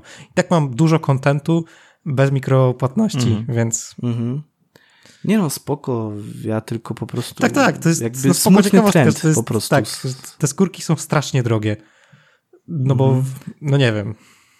Nie, chodzi mi tylko o trend, który jest Mhm. smutny. Kiedyś żeśmy się oburzali, jak byliśmy młodzi, jak wyszedł ten konik do Obliviona tam, tak? No Nie zbroja wiem, dla konia. Zbroja dla konia za 2,5 euro? Dolara? Coś I jak takiego. nie mniej. 3 Jak dolary mniej. chyba to no, było. Nie wiem. A dzisiaj kupisz Chyba za y, pięć złotych kilkukrotnie było. grę, no, Mhm. żeby mieć wszystkie skórki. Oczywiście golić frajerów, no dobra, no. Po prostu mi trend się nie podoba, wiecie? Trend. trend. Mnie ciekawi, jak ta gra będzie się zmieniać pod względem mikropłatności, bo właściwie tutaj nie ma jeszcze pierwszego sezonu. Pierwszy sezon Mhm. rusza w wakacje i wtedy będzie ten cały Battle Pass. I pytanie, co będzie w tym Battle Passie. A to już pewnie zdążę zapomnieć o grze. Mhm. Żartuję. Nie no, Musi wyjść zobaczymy. jakaś, jakaś kolejna duża gra. Zobacz, jak ludzie szybko zapomnieli o e, The Legend of Zelda Tears of Kingdom. No to prawda, to prawda. Ukazało się Diablo 4 i tak naprawdę ta gra została zupełnie zepchnięta na margines. Ja, miałem, ja mam przygotować materiał o tej grze. Mówię, kurwa, czuję się jakbym e, miał stworzyć materiał na temat gry, która miała premierę rok temu. Nikt już... No tak, jest takie wrażenie No, nie? przez to Diablo. Że Diablo zupełnie jakby Nie. zatarło mm, ślad po, po, po nowej Zeldzie. Ale jest jedna rzecz taka pocieszająca, że branżunia przynajmniej Diablo ogrywa Mhm. faktycznie. Bo często są, wiesz, zdjęcia na pokaz, Mhm. a tutaj przynajmniej faktycznie ktoś w te Diablo gra. Tak, No i w tak, te bo to jest taka gra, Senega bardzo dużo prezentów każdy może wysłała, zagrać. jeżeli chodzi o Diablo. Bardzo dużo. My też dziękujemy za kodzik. Mm. Y, A czy Tomek? W imieniu Tomka dziękujemy za kodzik. Co panowie? Tomek nie zrobił żadnego Y, zdjęcia Layers of Fear Z może. nóżkami. Co? Zmarnowany kodzik No na. Powinien jakieś zdjęcie zrobić, nie? Nóżki położyć sobie na, na biureczku. I, Przy monitorze, żeby światło monitora świeciło. tak, tak. I tam lamp, Skoro ta lamp, mroczne- lampka, mroczne- lampka z action, żeby się jej paliła jeszcze, nie? To, No, Tak. Mroczne Diablo to czarne paznokcie i elegancko. Dokładnie. sensie nie, że pomalowane na czarno, tylko brudne mm. na przykład. Okej. Nie, no żartuję. Pozdrawiamy cię. Tomek, y, to może y, Kamil, bo już Mhm. mamy dwie godziny, także trzy słowa o Layers of Fear i kończymy. No właśnie, bo to y, ja się zastanawiałem długo, czym jest ta gra, bo nawet jak zaczynałem ją recenzować, to nie byłem do końca pewien, czegoś mogę się spodziewać, bo no jeżeli tytuł ma taki sam tytuł jak gra z 2016 roku, no to, no to nie wiesz, czy to jest jakby, nie wiem, czy to jest trzecia część, czy to jest remake, czy to jest remaster, edycja definitywna. E, a się okazało, że to tak naprawdę jest po części wszystko z tych rzeczy, które wymówiłem, bo e, nowe Layers of Fear z 2023 roku zawiera wszystkie odsłony.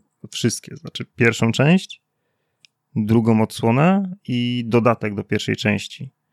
I teraz e, studio mm, Bluebird Team mm, zabawiło się w takiego doktora Frankensteina i ze swoich dotychczasowych odsłon e, postanowiło tak wskrzesić do życia jakiś nowy twór, takie opus magnum, takie zwieńczenie serii. I te pierwsze Layers of Fear, dodatek oraz druga odsłona zostały poszywane nową historią i mechanikami. E, I stworzyli jakby z marki takie gigantyczne e, studium obłędu.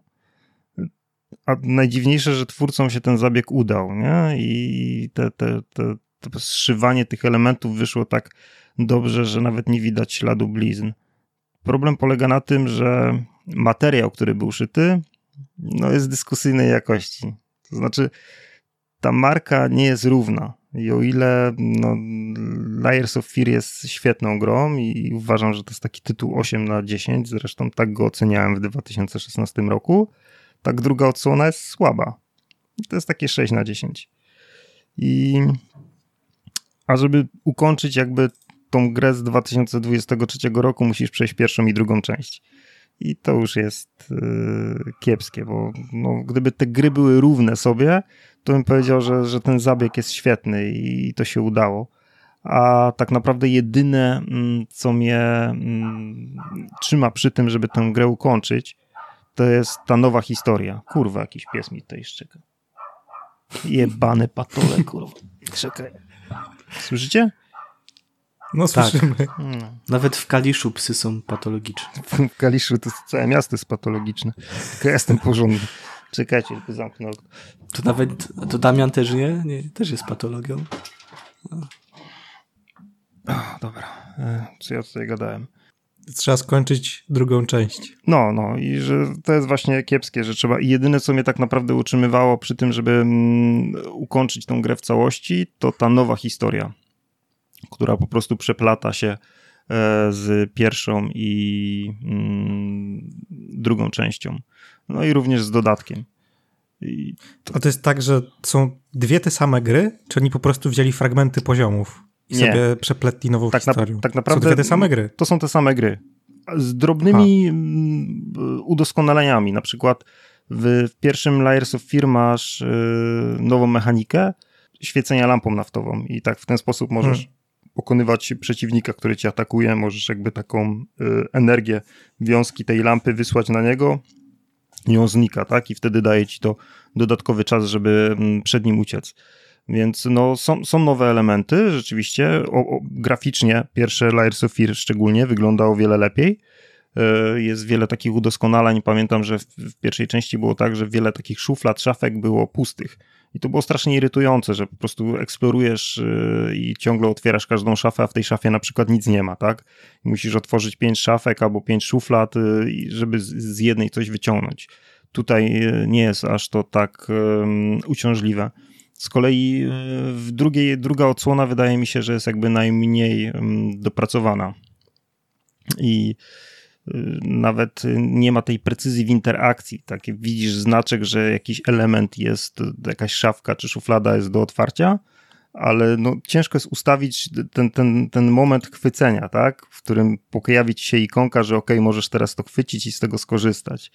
I no, jakby no, ta gra została tak wrzucona po prostu jeden do jednego, tak jak została ukończona w Strasznie dziwne. 2019 roku. I tak naprawdę historia jest, o, ta nowa historia opowiada o kobiecie, która została zamknięta w latarni morskiej i ona mm, pisze książkę.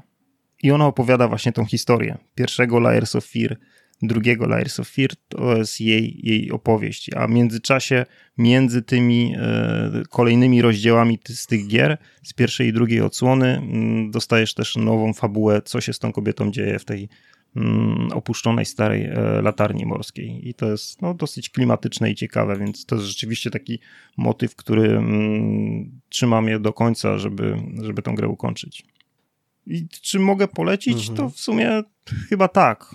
Jeżeli ka- każdy, kto, kto ogrywał pierwszą odsłonę, wydaje mi się, że chętnie wróci do tej nowej takiej, takiej wariacji, ale no musi liczyć się z tym, że będzie musiał jeszcze raz przebrnąć przez drugą część, która moim zdaniem jest y, nudna i mało angażująca. Pomimo tego, że tam jest gameplay bardziej rozbudowany, to jednak no, nie ma ta fabuła takiego magnetyzmu. Ona jest za bardzo enigmatyczna.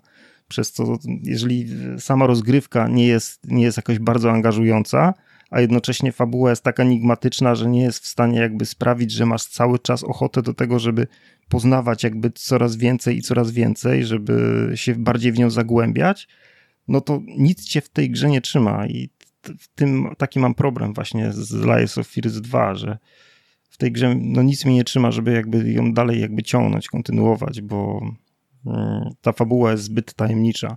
w pierwszej części to wiedziałeś jakby na czym stoisz, tak? Bardzo szybko poznawałeś, odkrywane zostały karty i angażowałeś się jakby w losy y, bohaterów, y, które zostały, były opowiadane w tej grze. W drugiej części, no, ciężko w ogóle się dowiedzieć, o co w ogóle chodzi. Już jesteś w połowie gry i tak naprawdę nadal nic nie wiesz. Błąkasz się po jakimś opuszczonym okręcie, wiesz, że wydarzyło się tam coś strasznego, wiesz, że był pierdolnięty reżyser i kręcony był film na statku. Poznawanie historii trwa bardzo, bardzo, bardzo topornie i zwieńczone jest takim jakimś pustym gadaniem, jakimiś takimi wstawkami e, pierdolniętego reżysera i no, nie podoba mi się ta gra po prostu. No, to jest dla mnie takie 5, 6 na 10. To jest strasznie dziwny koncept, że właściwie to są dwie te same gry, ale no, jakby w innej grze. Mhm. Nie tak. mogli tego nazwać jakoś Reimagined Collection, czy coś w tym stylu, że to, żeby ludzie wiedzieli, że to jest kolekcja dwóch gier, a nie nowa gra. Plus dodatku, nie? Do drugiej odsłony. No tak, no. Więc y, no szczerze mówiąc, gdyby y, ta kolekcja zawierała tylko pierwszą część i dodatek, uważam, że była lepsza niż z tą drugą częścią. Która moim zdaniem jest najgorszą grą od y, Bluebird Team bo oni naprawdę wydali w ostatnich latach wiele świetnych tytułów, czy The Medium, Blair Witch, czy Observer, a Layers of Fear, druga część jest bardzo, bardzo, bardzo przeciętna. Mhm. No dobra, no to będzie recenzja, będzie recenzja Polybridge 3. E, wiem, że wszyscy czekacie. Street Fighter 6. Co tam jeszcze wejdzie? Trepang 2 albo Trepang Squared. Nie wiem, bo ta dwójka to jest taka raczej jak kwadrat. Mm, nie wiem, dziwny tytuł, ale. Myślę, że jak ludzie słuchają, no to już część z tych rzeczy jest. Tak. Chociaż czy czekaj, nie będzie, Trepang, ale e, Trepang 2 to najwyżej trzeba będzie wyciąć Kamil, jak y, y, bo 19 jest embargo, to jakbyś był, to w weekend było zrobione, to, to wytnij. Przestań. Który weekend? Co? Do lipca się, Ale... żeby ten podcast był opublikowany, to będzie dobrze. Aha, no to na luzie. Nie, dobra, ale tak jakby coś, to ten... No, dobra, nieważne. E, dobra, to tak, to to był 22 odcinek. E, Starfield na Steamie kosztuje 349 zł. Pozdrawiam serdecznie. E, jakby ktoś chciał na Steamie kupić Starfielda, bo ma alergię na zielony kolor, to hehe, pozdro. Albo nie kupi PlayStation 5. Mm. I włoży tam płytę od e, Xboxa ze Starfieldem i zobaczy, co się wydarzy. E, albo może poczekać na 29 września, bo Starfield jest 6. E, przynajmniej taką datę sugeruje australijski sklep odnośnie Silent Hilla 2. Tak. E, cena 89 dolarów. Ale to jest jakiś przeciek, może to być fake. 89 dolarów. Nie, tak, no tylko nie wiem, czy to jest australijskie dolary.